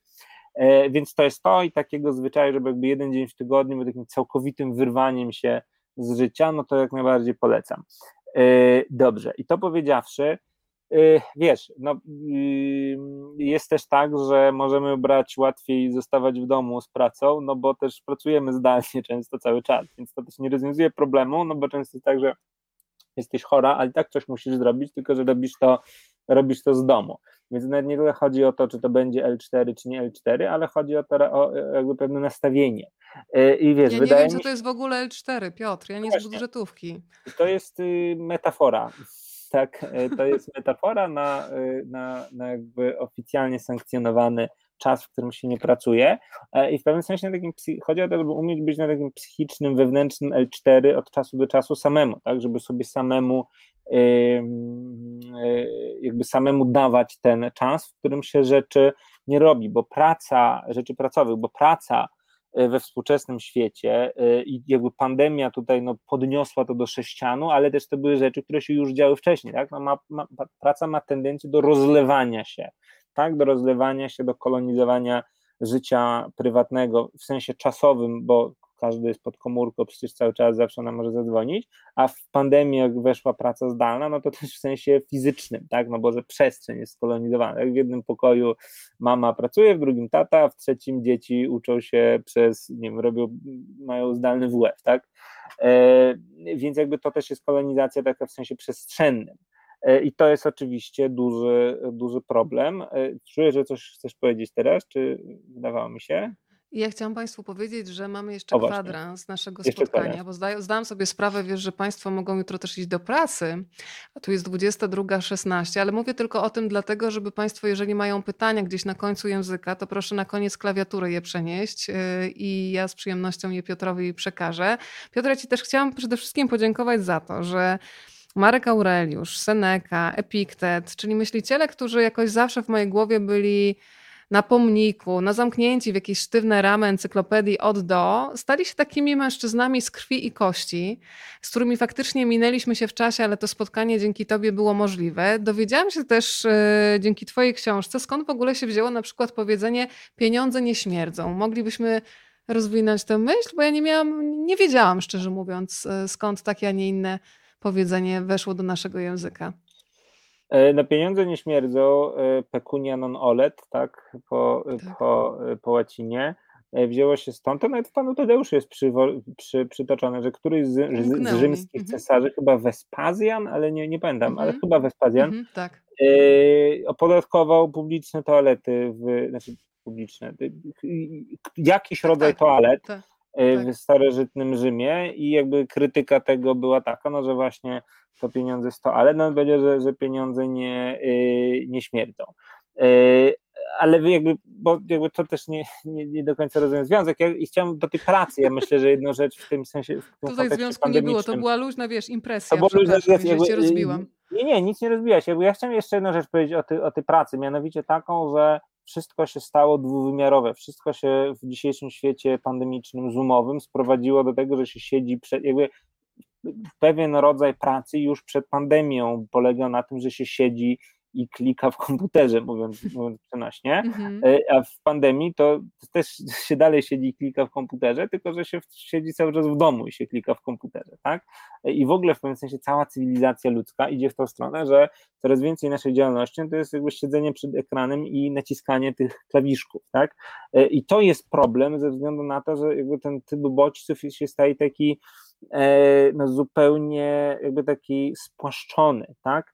Y, coraz trudniej jest, y, no wyobraźmy sobie, że jesteśmy uczniem szkoły podstawowej na nauczaniu zdalnym, tak? Tu mam w jednym okienku mam grę, w drugim okienku mam czat, w trzecim okienku mam, nie wiem, właśnie zdalny WF, a w czwartym okienku jeszcze podręcznik. Jakby wystarczy się mhm. przenieść z jednego okienka na drugie, e, no jakby dostajemy bodziec zupełnie innego typu. I tych bodźców jest oczywiście też bardzo dużo. Przełączanie się między tym stałe, i jakby takie już kolonizujące cały nasz czas, no staje się coraz trudniejsze. No i mówiąc kolokwialnie, można od tego zwariować, a mówiąc niekolokwialnie, bardzo dużo wysiłku kosztuje nas samo y, jakby utrzymywanie właściwej hierarchii ważności tych zadań, tak? E, I to jakby jest coś, co sprawia, że ten odpoczynek w takim głębokim rozumieniu, w sensie wyłączenia tych bodźców, no staje się tylko jeszcze bardziej konieczny. Pytanie Anna od pani Ani. Tak. E, jaka byłaby stoicka odpowiedź na następujący dylemat? W czasach, kiedy bycie busy jest trendy, postawa promowana w książce jest jednak mniej popularna i pewnie niejednokrotnie spotyka się ze zdziwieniem rodziny przyjaciół. Jak się pogodzić z dystansem? Tutaj normalnie jest jakiś produkt lokowany, Piotrze. Nie, po prostu mi zasycha, zasycha, zasycha w gardle. Zgłoszę się do nich po programie, no. Zgłoszę, to, tak, tak, tak. Dobra, e, jakby odpowiadam, bo to jest tak, że ja się nie do końca zgadzam, że bycie busy jest trendy. Myślę, że e, też zależy od tego, w jakim środowisku się obracamy. Myślę, e, w, w obecnych czasach no coraz bardziej coraz bardziej widoczny jest ten kontrtrend, e, w którym no się właśnie mówi, że, że należy nie być busy, tak? czy należy work-life balance, tak? to jest przecież jak najbardziej hasło coraz bardziej trendujące, no i w pewnym sensie już nawet oklepane, tak? więc to nie jest do końca prawdą, że, że to nie jest trendy. Y, natomiast na jakimś głębokim poziomie jest to cały czas oczywiście problem, tak? To znaczy, my żyjemy, może, ja bym, ja bym powiedział, odpowiedź na, na, na poprzednie pytanie jest takie, bo już mamy nowe pytanie. Y, myślę, że taka y, zasadna odpowiedź jest taka, że trendy to chyba nie jest już bycie busy. Ja myślę, że trendy to jest właśnie mienie, mienie posiadanie balansu między pracą a życiem, ale to, że to jest trend, to nie zmienia faktu, że, na, że żyjemy cały czas w kulturze takiego zapieprzu i w kulturze no jakby pracy ponad siły, tak? i w kulturze ciągłej zajętości i z tym jak najbardziej trzeba walczyć. No i tutaj stoicyzm jest na pewno dobrą E, dobrym strzałem. E, pani Ewa napisała, że dotąd żyła w przeświadczeniu, że bliżej jej do hedonizmu, ale im dłużej nas słucha, tym bardziej się okazuje, że ze stoicyzmu można czerpać garściami. Zgadzam się.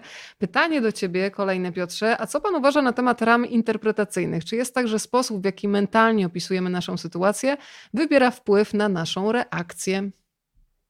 Tak jest, to, pan, to, to jest dokładnie stoicyzm, to co pan tutaj nazywa ramami interpretacyjnymi to są wyobrażenia, to, to Marek Aureliusz nazywał to wyobrażeniami.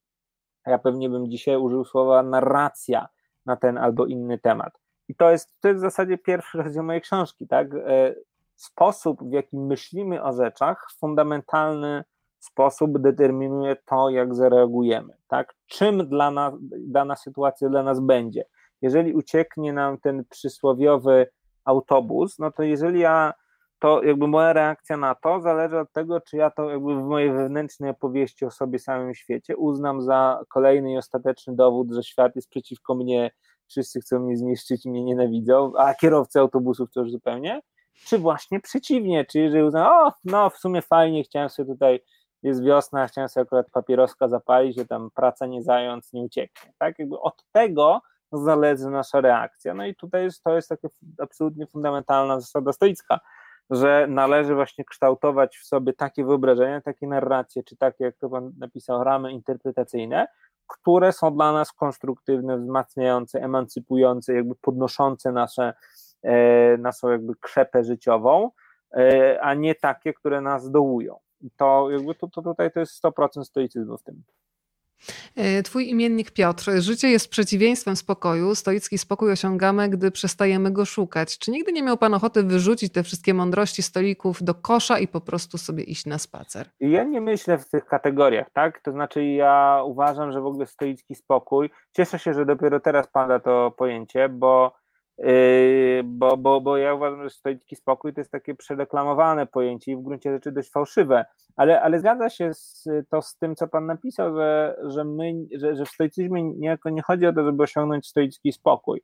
Yy, w stoicyzmie chodzi o, o życie według określonego jakby systemu życia i to, co Pan nazywa stoickim spokojem, to faktycznie przychodzi jako taki e, dodatkowy byproduct, tak? To nie jest tak, że my się mamy nastawić na bycie spokojnym i niewzruszonym, my mamy żyć w określony sposób, a wtedy pewna taka satysfakcja czy harmonia no, pojawi się niejako sama z siebie. Natomiast wyobrażenie stoika jako właśnie takiej kamiennej, niewzruszonej postaci, która zawsze ma zimną krew i nigdy nie krzyczy, e, to jest wyobrażenie, które nie tylko jest fałszywe, ale też jakby mm, utrudnia nam zrozumienie tego, czym stoicyzm tak naprawdę jest. To muszę, słuchaj, sprowokowałeś mnie. E, zastanawiam się, czy możesz powiedzieć, zwizualizować, jak wygląda wkurzony Piotr Stankiewicz.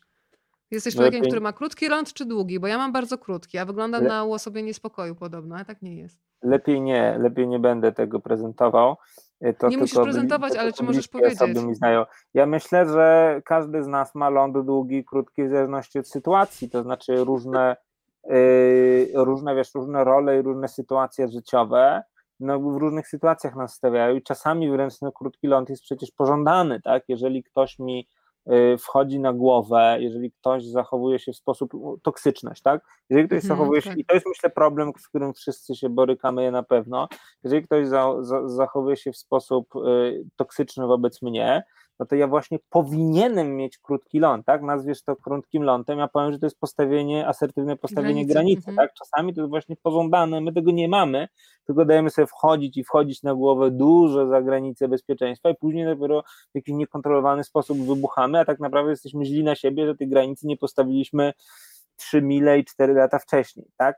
Y, więc ja myślę, że to jest tak, że że, że ja faktycznie potrafię pewnie w sytuacjach takich oficjalnych być, w oficjalnych jakby zewnętrznych relacjach, być dużo bardziej taki opanowany, spokojny i, i, i przemyślany, w takim pozytywnym sensie tego słowa, niż, niż jakby w sytuacjach bardziej prywatnych, tak? kiedy można sobie pozwolić na więcej ten.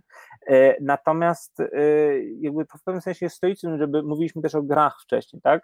że te, te relacje no, są grą, tak? Jeżeli ktoś mnie wkurza, tak, pracodawca mnie wkurza, tak, no to jakby moja odpowiedź na to jest pewną grą między, między nami i jakby cały sekret polega na tym, że się muszę nauczyć w nią grać, tak? Jeżeli umiem grać w nią dobrze, a mi się wydaje, że no, na wielu polach już się tej gry, y, gry całkiem nieźle, tych gier całkiem nieźle nauczyłem.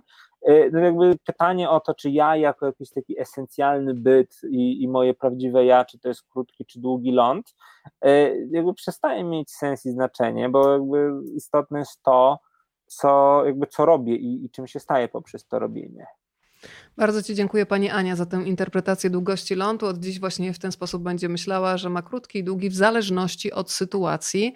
E, pytanie było tutaj jeszcze od e, momencik, bo mi uciekło. Ja jeszcze bym nawet pociągnął tą metaforę, tak. skoro już tak jesteśmy tego.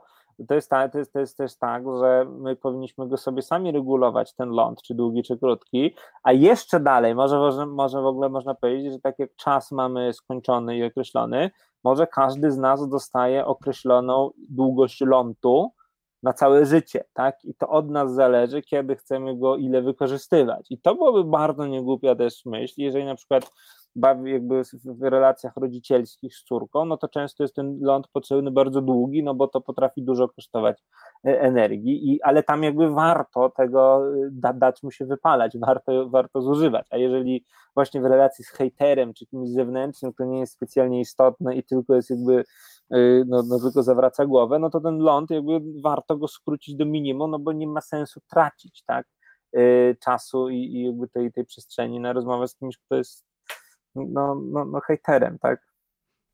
To teraz głos y, dla pana Mikołaja. Czy nadmierne zwracanie uwagi na własne wyobrażenie i szukanie szczęścia tylko we własnym nastawieniu nie zamyka drogi do chęci zmiany sytuacji albo zobaczenia, że to w niej coś może nie grać? Dwie trzecie cytowanych stoików piastowało wysokie stanowiska. Y, wysokie stanowiska w sensie, aha, okej, okay, rozumiem.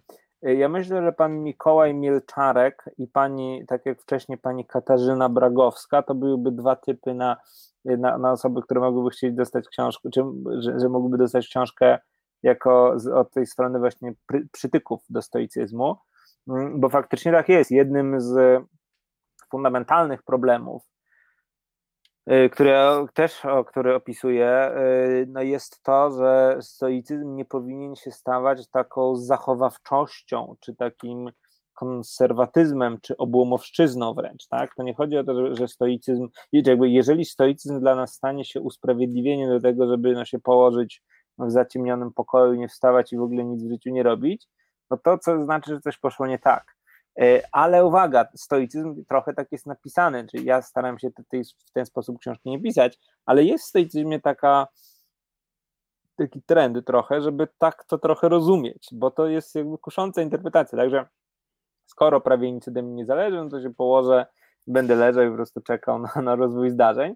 No tylko, że Albo zdarzają jest... się samo oskarżenia, kiedy jest taki fragment, no rozmawialiśmy o tym wczoraj, no, prawda, że jeżeli coś w twoim życiu nie gra, to jest na pewno twoja wina. I pomyślałam tak, sobie od razu, to... miałam taką wiesz, reakcję, że czyta to ktoś z depresją, no i tak. to jest naprawdę nie, nie fair wobec No i to, je, i, i to jest problematyczne tutaj, dlatego mówię, że to jest jeden z lepszych głosów anty, bo nie należy stoicyzm tak rozumieć, tak? Moim zdaniem, i tak staram się to przedstawiać, stoicyzm jest właśnie filozofią aktywistyczną, filozofią życia i działania i właśnie twórczego i aktywnego działania na tyle, na ile okoliczności, jakby w maksymalnym możliwym stopniu, na tyle, ile okoliczności nasz potencjał nas na, na, y, nam pozwala, a nie właśnie jakiegoś takiego biernego leżenia czy, czy, czy właśnie odpuszczania sobie, to jest jedno, to, to, to jest jeden z większych problemów tutaj, więc to jest na pewno celnie, celnie zwrócona uwaga. Słuchaj, ostatnie pytanie od pani e, Kasi, które mi uciekło, ale już wróciło. Uważność kojarzy mi się trochę z planowaniem. A co z naturalnym trwonieniem czasu?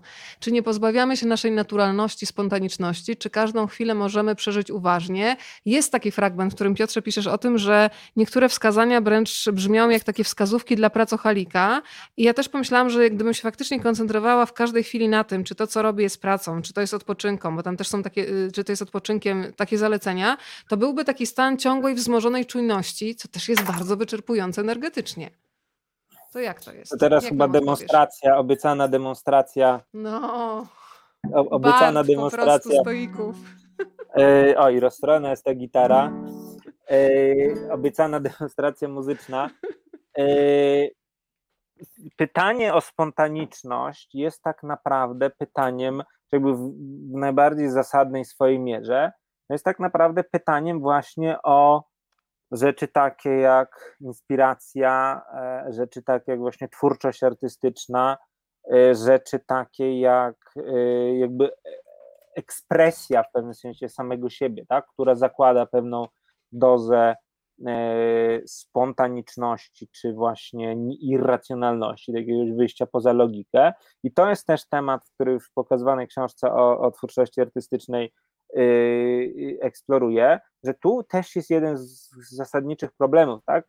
E, że w jakimś stopniu ten stoicyzm no jest trochę taki, no nie chcę powiedzieć sprzeczny, ale tu pojawia się pewna rozbieżność, tak? To znaczy, że jeżeli moim powołaniem jest właśnie powołanie takie ściśle artystyczne, tak? W, w tym sensie, w jakim nauczyła nas kultura y, po romantyzmie, tak? Że właśnie artysta to jest ktoś, kto idzie za swoim wewnętrznym głosem, opisuje świat na nowo i tak dalej, i tak dalej, i tak dalej, e, no to tutaj będzie pewien problem, tak? Bo jakby jedno, bo stoicyzm właśnie domaga się pewnego stopnia racjonalności, logiczności, właśnie takiego struktury, no a ta twórczość artystyczna w tym rozumieniu no, wymaga właśnie wyjścia poza to. I tutaj będzie problem i być może właśnie, yy, właśnie romantyczny poeta czy artysta to będzie ktoś, kto kto, tym, kto, kto, wobec tego stoicyzmu będzie miał najwięcej, najwięcej zastrzeżeń. Tak? Czyli jakby no, ze spontanicznością rozumianą jako Yy, tak jak w tym w Truman Show, nie wiem czy ktoś jeszcze pamięta ten film, jest ta scena, że oni tak, o tak, pojedźmy teraz właśnie, bądźmy spontaniczni,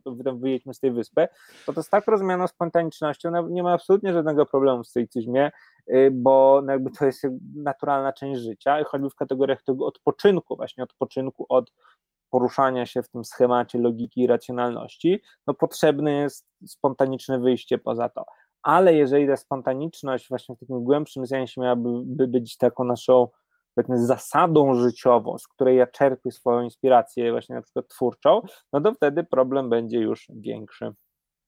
Słuchaj, pani Maria właśnie odnotowała, że padł rekord. Spotkanie trwa ponad godzinę i jest mega ciekawe, więc się bardzo cieszę. Widzę, że tu już ponad 400 osób od y, dwóch godzin z nami jest i to jest dla mnie bardzo pocieszające, że jednak jest czas i przestrzeń na intelektualną rozmowę. E, słuchaj, powiedziałam, że było ostatnie pytanie, ale jeszcze mm, potraktujmy to jako polecajkę, ponieważ pan Piotr, który mi tu mignął, już jest. Pan Piotr e, poprosił cię o trzy dobre książki, które ostatnio y, przeczytałeś i z czystym sumieniem możesz polecić. Ha, ja powiem tak, ponieważ ja kończę swoją własną książkę, teraz dosłownie w tym tygodniu jeszcze pewne będę wysyłał do wydawnictwa, e, to ja e, nie pamiętam jak się nazywał człowiek, który przetłumaczył e, Finnegan's Wake na język polski. Nie pomogę ci. No właśnie, ale który mówi, że ta praca zajęła mu 10 lat i że jakby kosztem tej pracy było to, że on jakby jest 10 lat zacofany w kulturze, teatrze, literaturze, filmie, bo po prostu nie miał przestrzeni mentalnej i czasu, żeby to śledzić. I, i, i trochę końcówka pracy nad własną książką to jest taki czas, że się y, człowiek wyłącza z różnych, y, z różnych rzeczy, y, ale oczywiście nie jakby, ten, jakby ten wybieg poczyniwszy. Ja czytałem dużo rzeczy bardzo, które są, momencik, zerknę, okej, okay E, ja czytam bardzo dużo rzeczy, które są potrzebne, były mi potrzebne do, no, do, do mojej książki nowej. E, no, to są jakby takie sprawy dosyć, jakby to powiedzieć, gatunkowe, więc nie będę, tutaj nie będę zarzucał. Natomiast książki, które ostatnio czytałem, dobra, żeby, żeby już nie robić więcej wybiegów, tylko że to nie są książki wydane niedawno, tak? To jest książka. To bardzo dobrze, tym lepiej. Bodajże Bartka Dobrocha i, i Przemka Wilczyńskiego Y, o, o Broad Peaku, o Himalaizmie. Książka się nazywa Niebo i piekło, Niebo i piekło na Broad Peaku, czy, czy, czy coś takiego. To jest mhm. książka jeszcze z 2013 albo 2014 roku, bezpośrednio napisana po tych wydarzeniach wiadomych, część z Państwa tak. może pamięta, w, w Karakorum, która no, jest bardzo ciekawa i nieporównanie moim zdaniem lepsza od książki Hugo Badera na ten sam temat, bo jest to książka w bardzo fajny sposób rysująca no, takie tak zwane szerokie tło całego tego przedsięwzięcia, jakim jest Himalajzm, szczególnie Himalajzm zimowy. To jest jedno. Drugie to klasyka, do której bardzo często wracam, a ponieważ mam akurat na komputerze, to sobie tak przełączam z okienka na okienko i to bardzo jakoś tak dobrze na mnie działa. Dzieci Arbatu, Rybakowa, taka mhm. tetralogia, tetralogia chyba nawet, bo to w sumie cztery części ma, Y, o właśnie Rosji Radzieckiej lat 30. i 40., międzywojennych i, i II wojny światowej.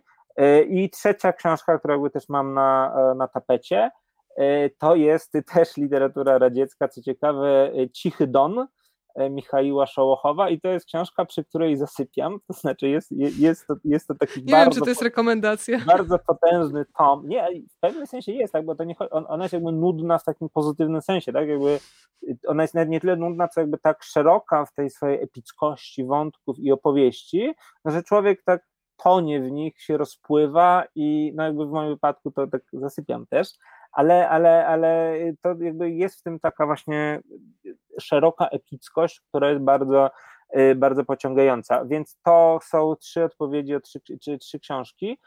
Trochę może to brzmi losowo, E, ale, to, ale jest to szczere, bo to są autentycznie trzy książki, jakby bez takiego ściemniania, to są autentycznie poza książkami, które stanowią większość, tymi, którymi czytam do obecnego projektu, no to są autentycznie te, te trzy rzeczy, które jakoś tam mam na, e, na tapecie i które no, polecam.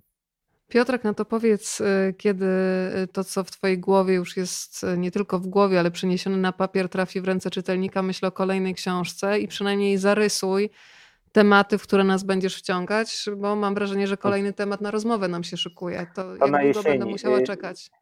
Na jesieni teraz jest tak, że ja dokładnie, dosłownie w tym tygodniu Termin jest do końca kwietnia, ale jako pierwszy autor w historii literatury i branży oddam przed terminem chyba książkę Niechwalny no. Dnia przed Zachodem, ale, ale wygląda na to, że to, się, że, to się, że to się zdarzy, że to się wydarzy e, i książka e, ukaże się w, e, zakładając, że nic się nie zmieni i tak dalej, i tak dalej, ale plan jest taki, że się ukaże jesienią tego roku I jest, natomiast jeżeli chodzi o zdradzanie i niezdradzanie, ja nie zdradzę, natomiast mogę, jeżeli jeszcze mamy nie 2-3 minuty, to parę takich słów z warsztatu, e, z warsztatu pisarza, bo wydaje mi, bo jakby książka, książka nie jest książką stoicką, to, to jakby e, jak część z Państwa może wie, u mnie są takie dwa nurty. Jeden to jest ten stoicyzm, który no stale i ciągle rozwijam i będę rozwijał dalej i będą kolejne książki stoickie też, natomiast jeszcze nie w tym roku, E, w tym roku rozwijam ten drugi nurt, który, w którym są książki po prostu ze stoicyzmem niezwiązane. To są na razie y, na razie to są, y, dobra, nie przedłużając, i, więc nie będzie to książka stoicka e, i mhm. ja ze względu na to, że ma ona w sobie pewien taki awangardowy zamysł, awang taki, taki myk, że jest to książka taka z kluczem bardzo specyficzna, e, mam nadzieję, że w pozytywnym sensie tego słowa, to ja nie zdradzę, no jakby nie, nie da się, nie to jest rynkowe, no musiałem zdradzić całość od razu, a ja nie chcę tego robić, więc tutaj z takim suspensem, żeby, żeby do tej jesieni Państwo doczekali. To jest dobry hashtag, nie zdradzam. Nie, nie zdradzam naprawdę ze względu na no, to, że to, jest, że to, jest, oparte na pewnym jednym bardzo konkretnym koncepcie, którego jakby się nie da powiedzieć po tak połówkowo. Natomiast mm -hmm. jest taki mhm. myk, ja ostatnio prowadziłem takie warsztaty o literaturze znaczy o literaturze, pisaniu, książkach y, od takiej właśnie filozoficznej strony i sobie wtedy uświadomiłem, że to, to jest fajny taki motyw, żeby powiedzieć, że książki się dzielą, jest dużo różnych podziałów, tak, hardcover, paperback i tak dalej, ale jest też podział na fiction i non-fiction. E, tak, czy jakby y, ty się bardziej znasz na książkach, to może wyjaśnić, jeżeli ktoś Mówi się nie... non-fiki nawet w branży. Non-fiki, tak, fikcja i non-fiki. Mhm. I wydaje mi się, nie wiem jak moja książka, ta, ta na, która na jesieni będzie, nie wiem, jak ona zostanie zakwalifikowana przez księgarnię, ale wydaje mi się, że ona jest taką idealną strefą pomiędzy, że no nie można z czystym sercem powiedzieć, że to jest fikcja, e, no bo nie jest, ale też nie można powiedzieć, że to jest non-fiction, no bo też nie jest. I to jest taki fajny, taka, taka ambiwalencja, którą, e, na którą tutaj trafiłem. Natomiast E, no tak, będę jeszcze prosił chwilę cierpliwości, natomiast e, Weroniko oczywiście bardzo chętnie się, się zjawi w programie, żeby o niej pomówić. Będzie też książka zupełnie innego, e, innego typu, no bo tak też mi się wydaje, że warto, żeby jednak za każdym razem, jak ktoś moją książkę kupuje, czy tam bierze do ręki, żeby to było coś nowego, tak, a nie tylko powielanie starych schematów. To słuchaj, ostatnie zadanie dla ciebie, zanim się położymy spać, ponieważ kiedy mm, zapowiadałam to spotkanie i pokazywałam książkę, to moi wspaniali znajomi z branży gastronomicznej powiedzieli z uśmiechem, że za każdym razem, kiedy czytają ogłoszenie, to czytają e, tytuł książki Sztuka życia według słoików. Więc wyobraźmy sobie słoik, w którym masz trzy najważniejsze recepty na życie stoików, które faktycznie stosujesz w swoim życiu.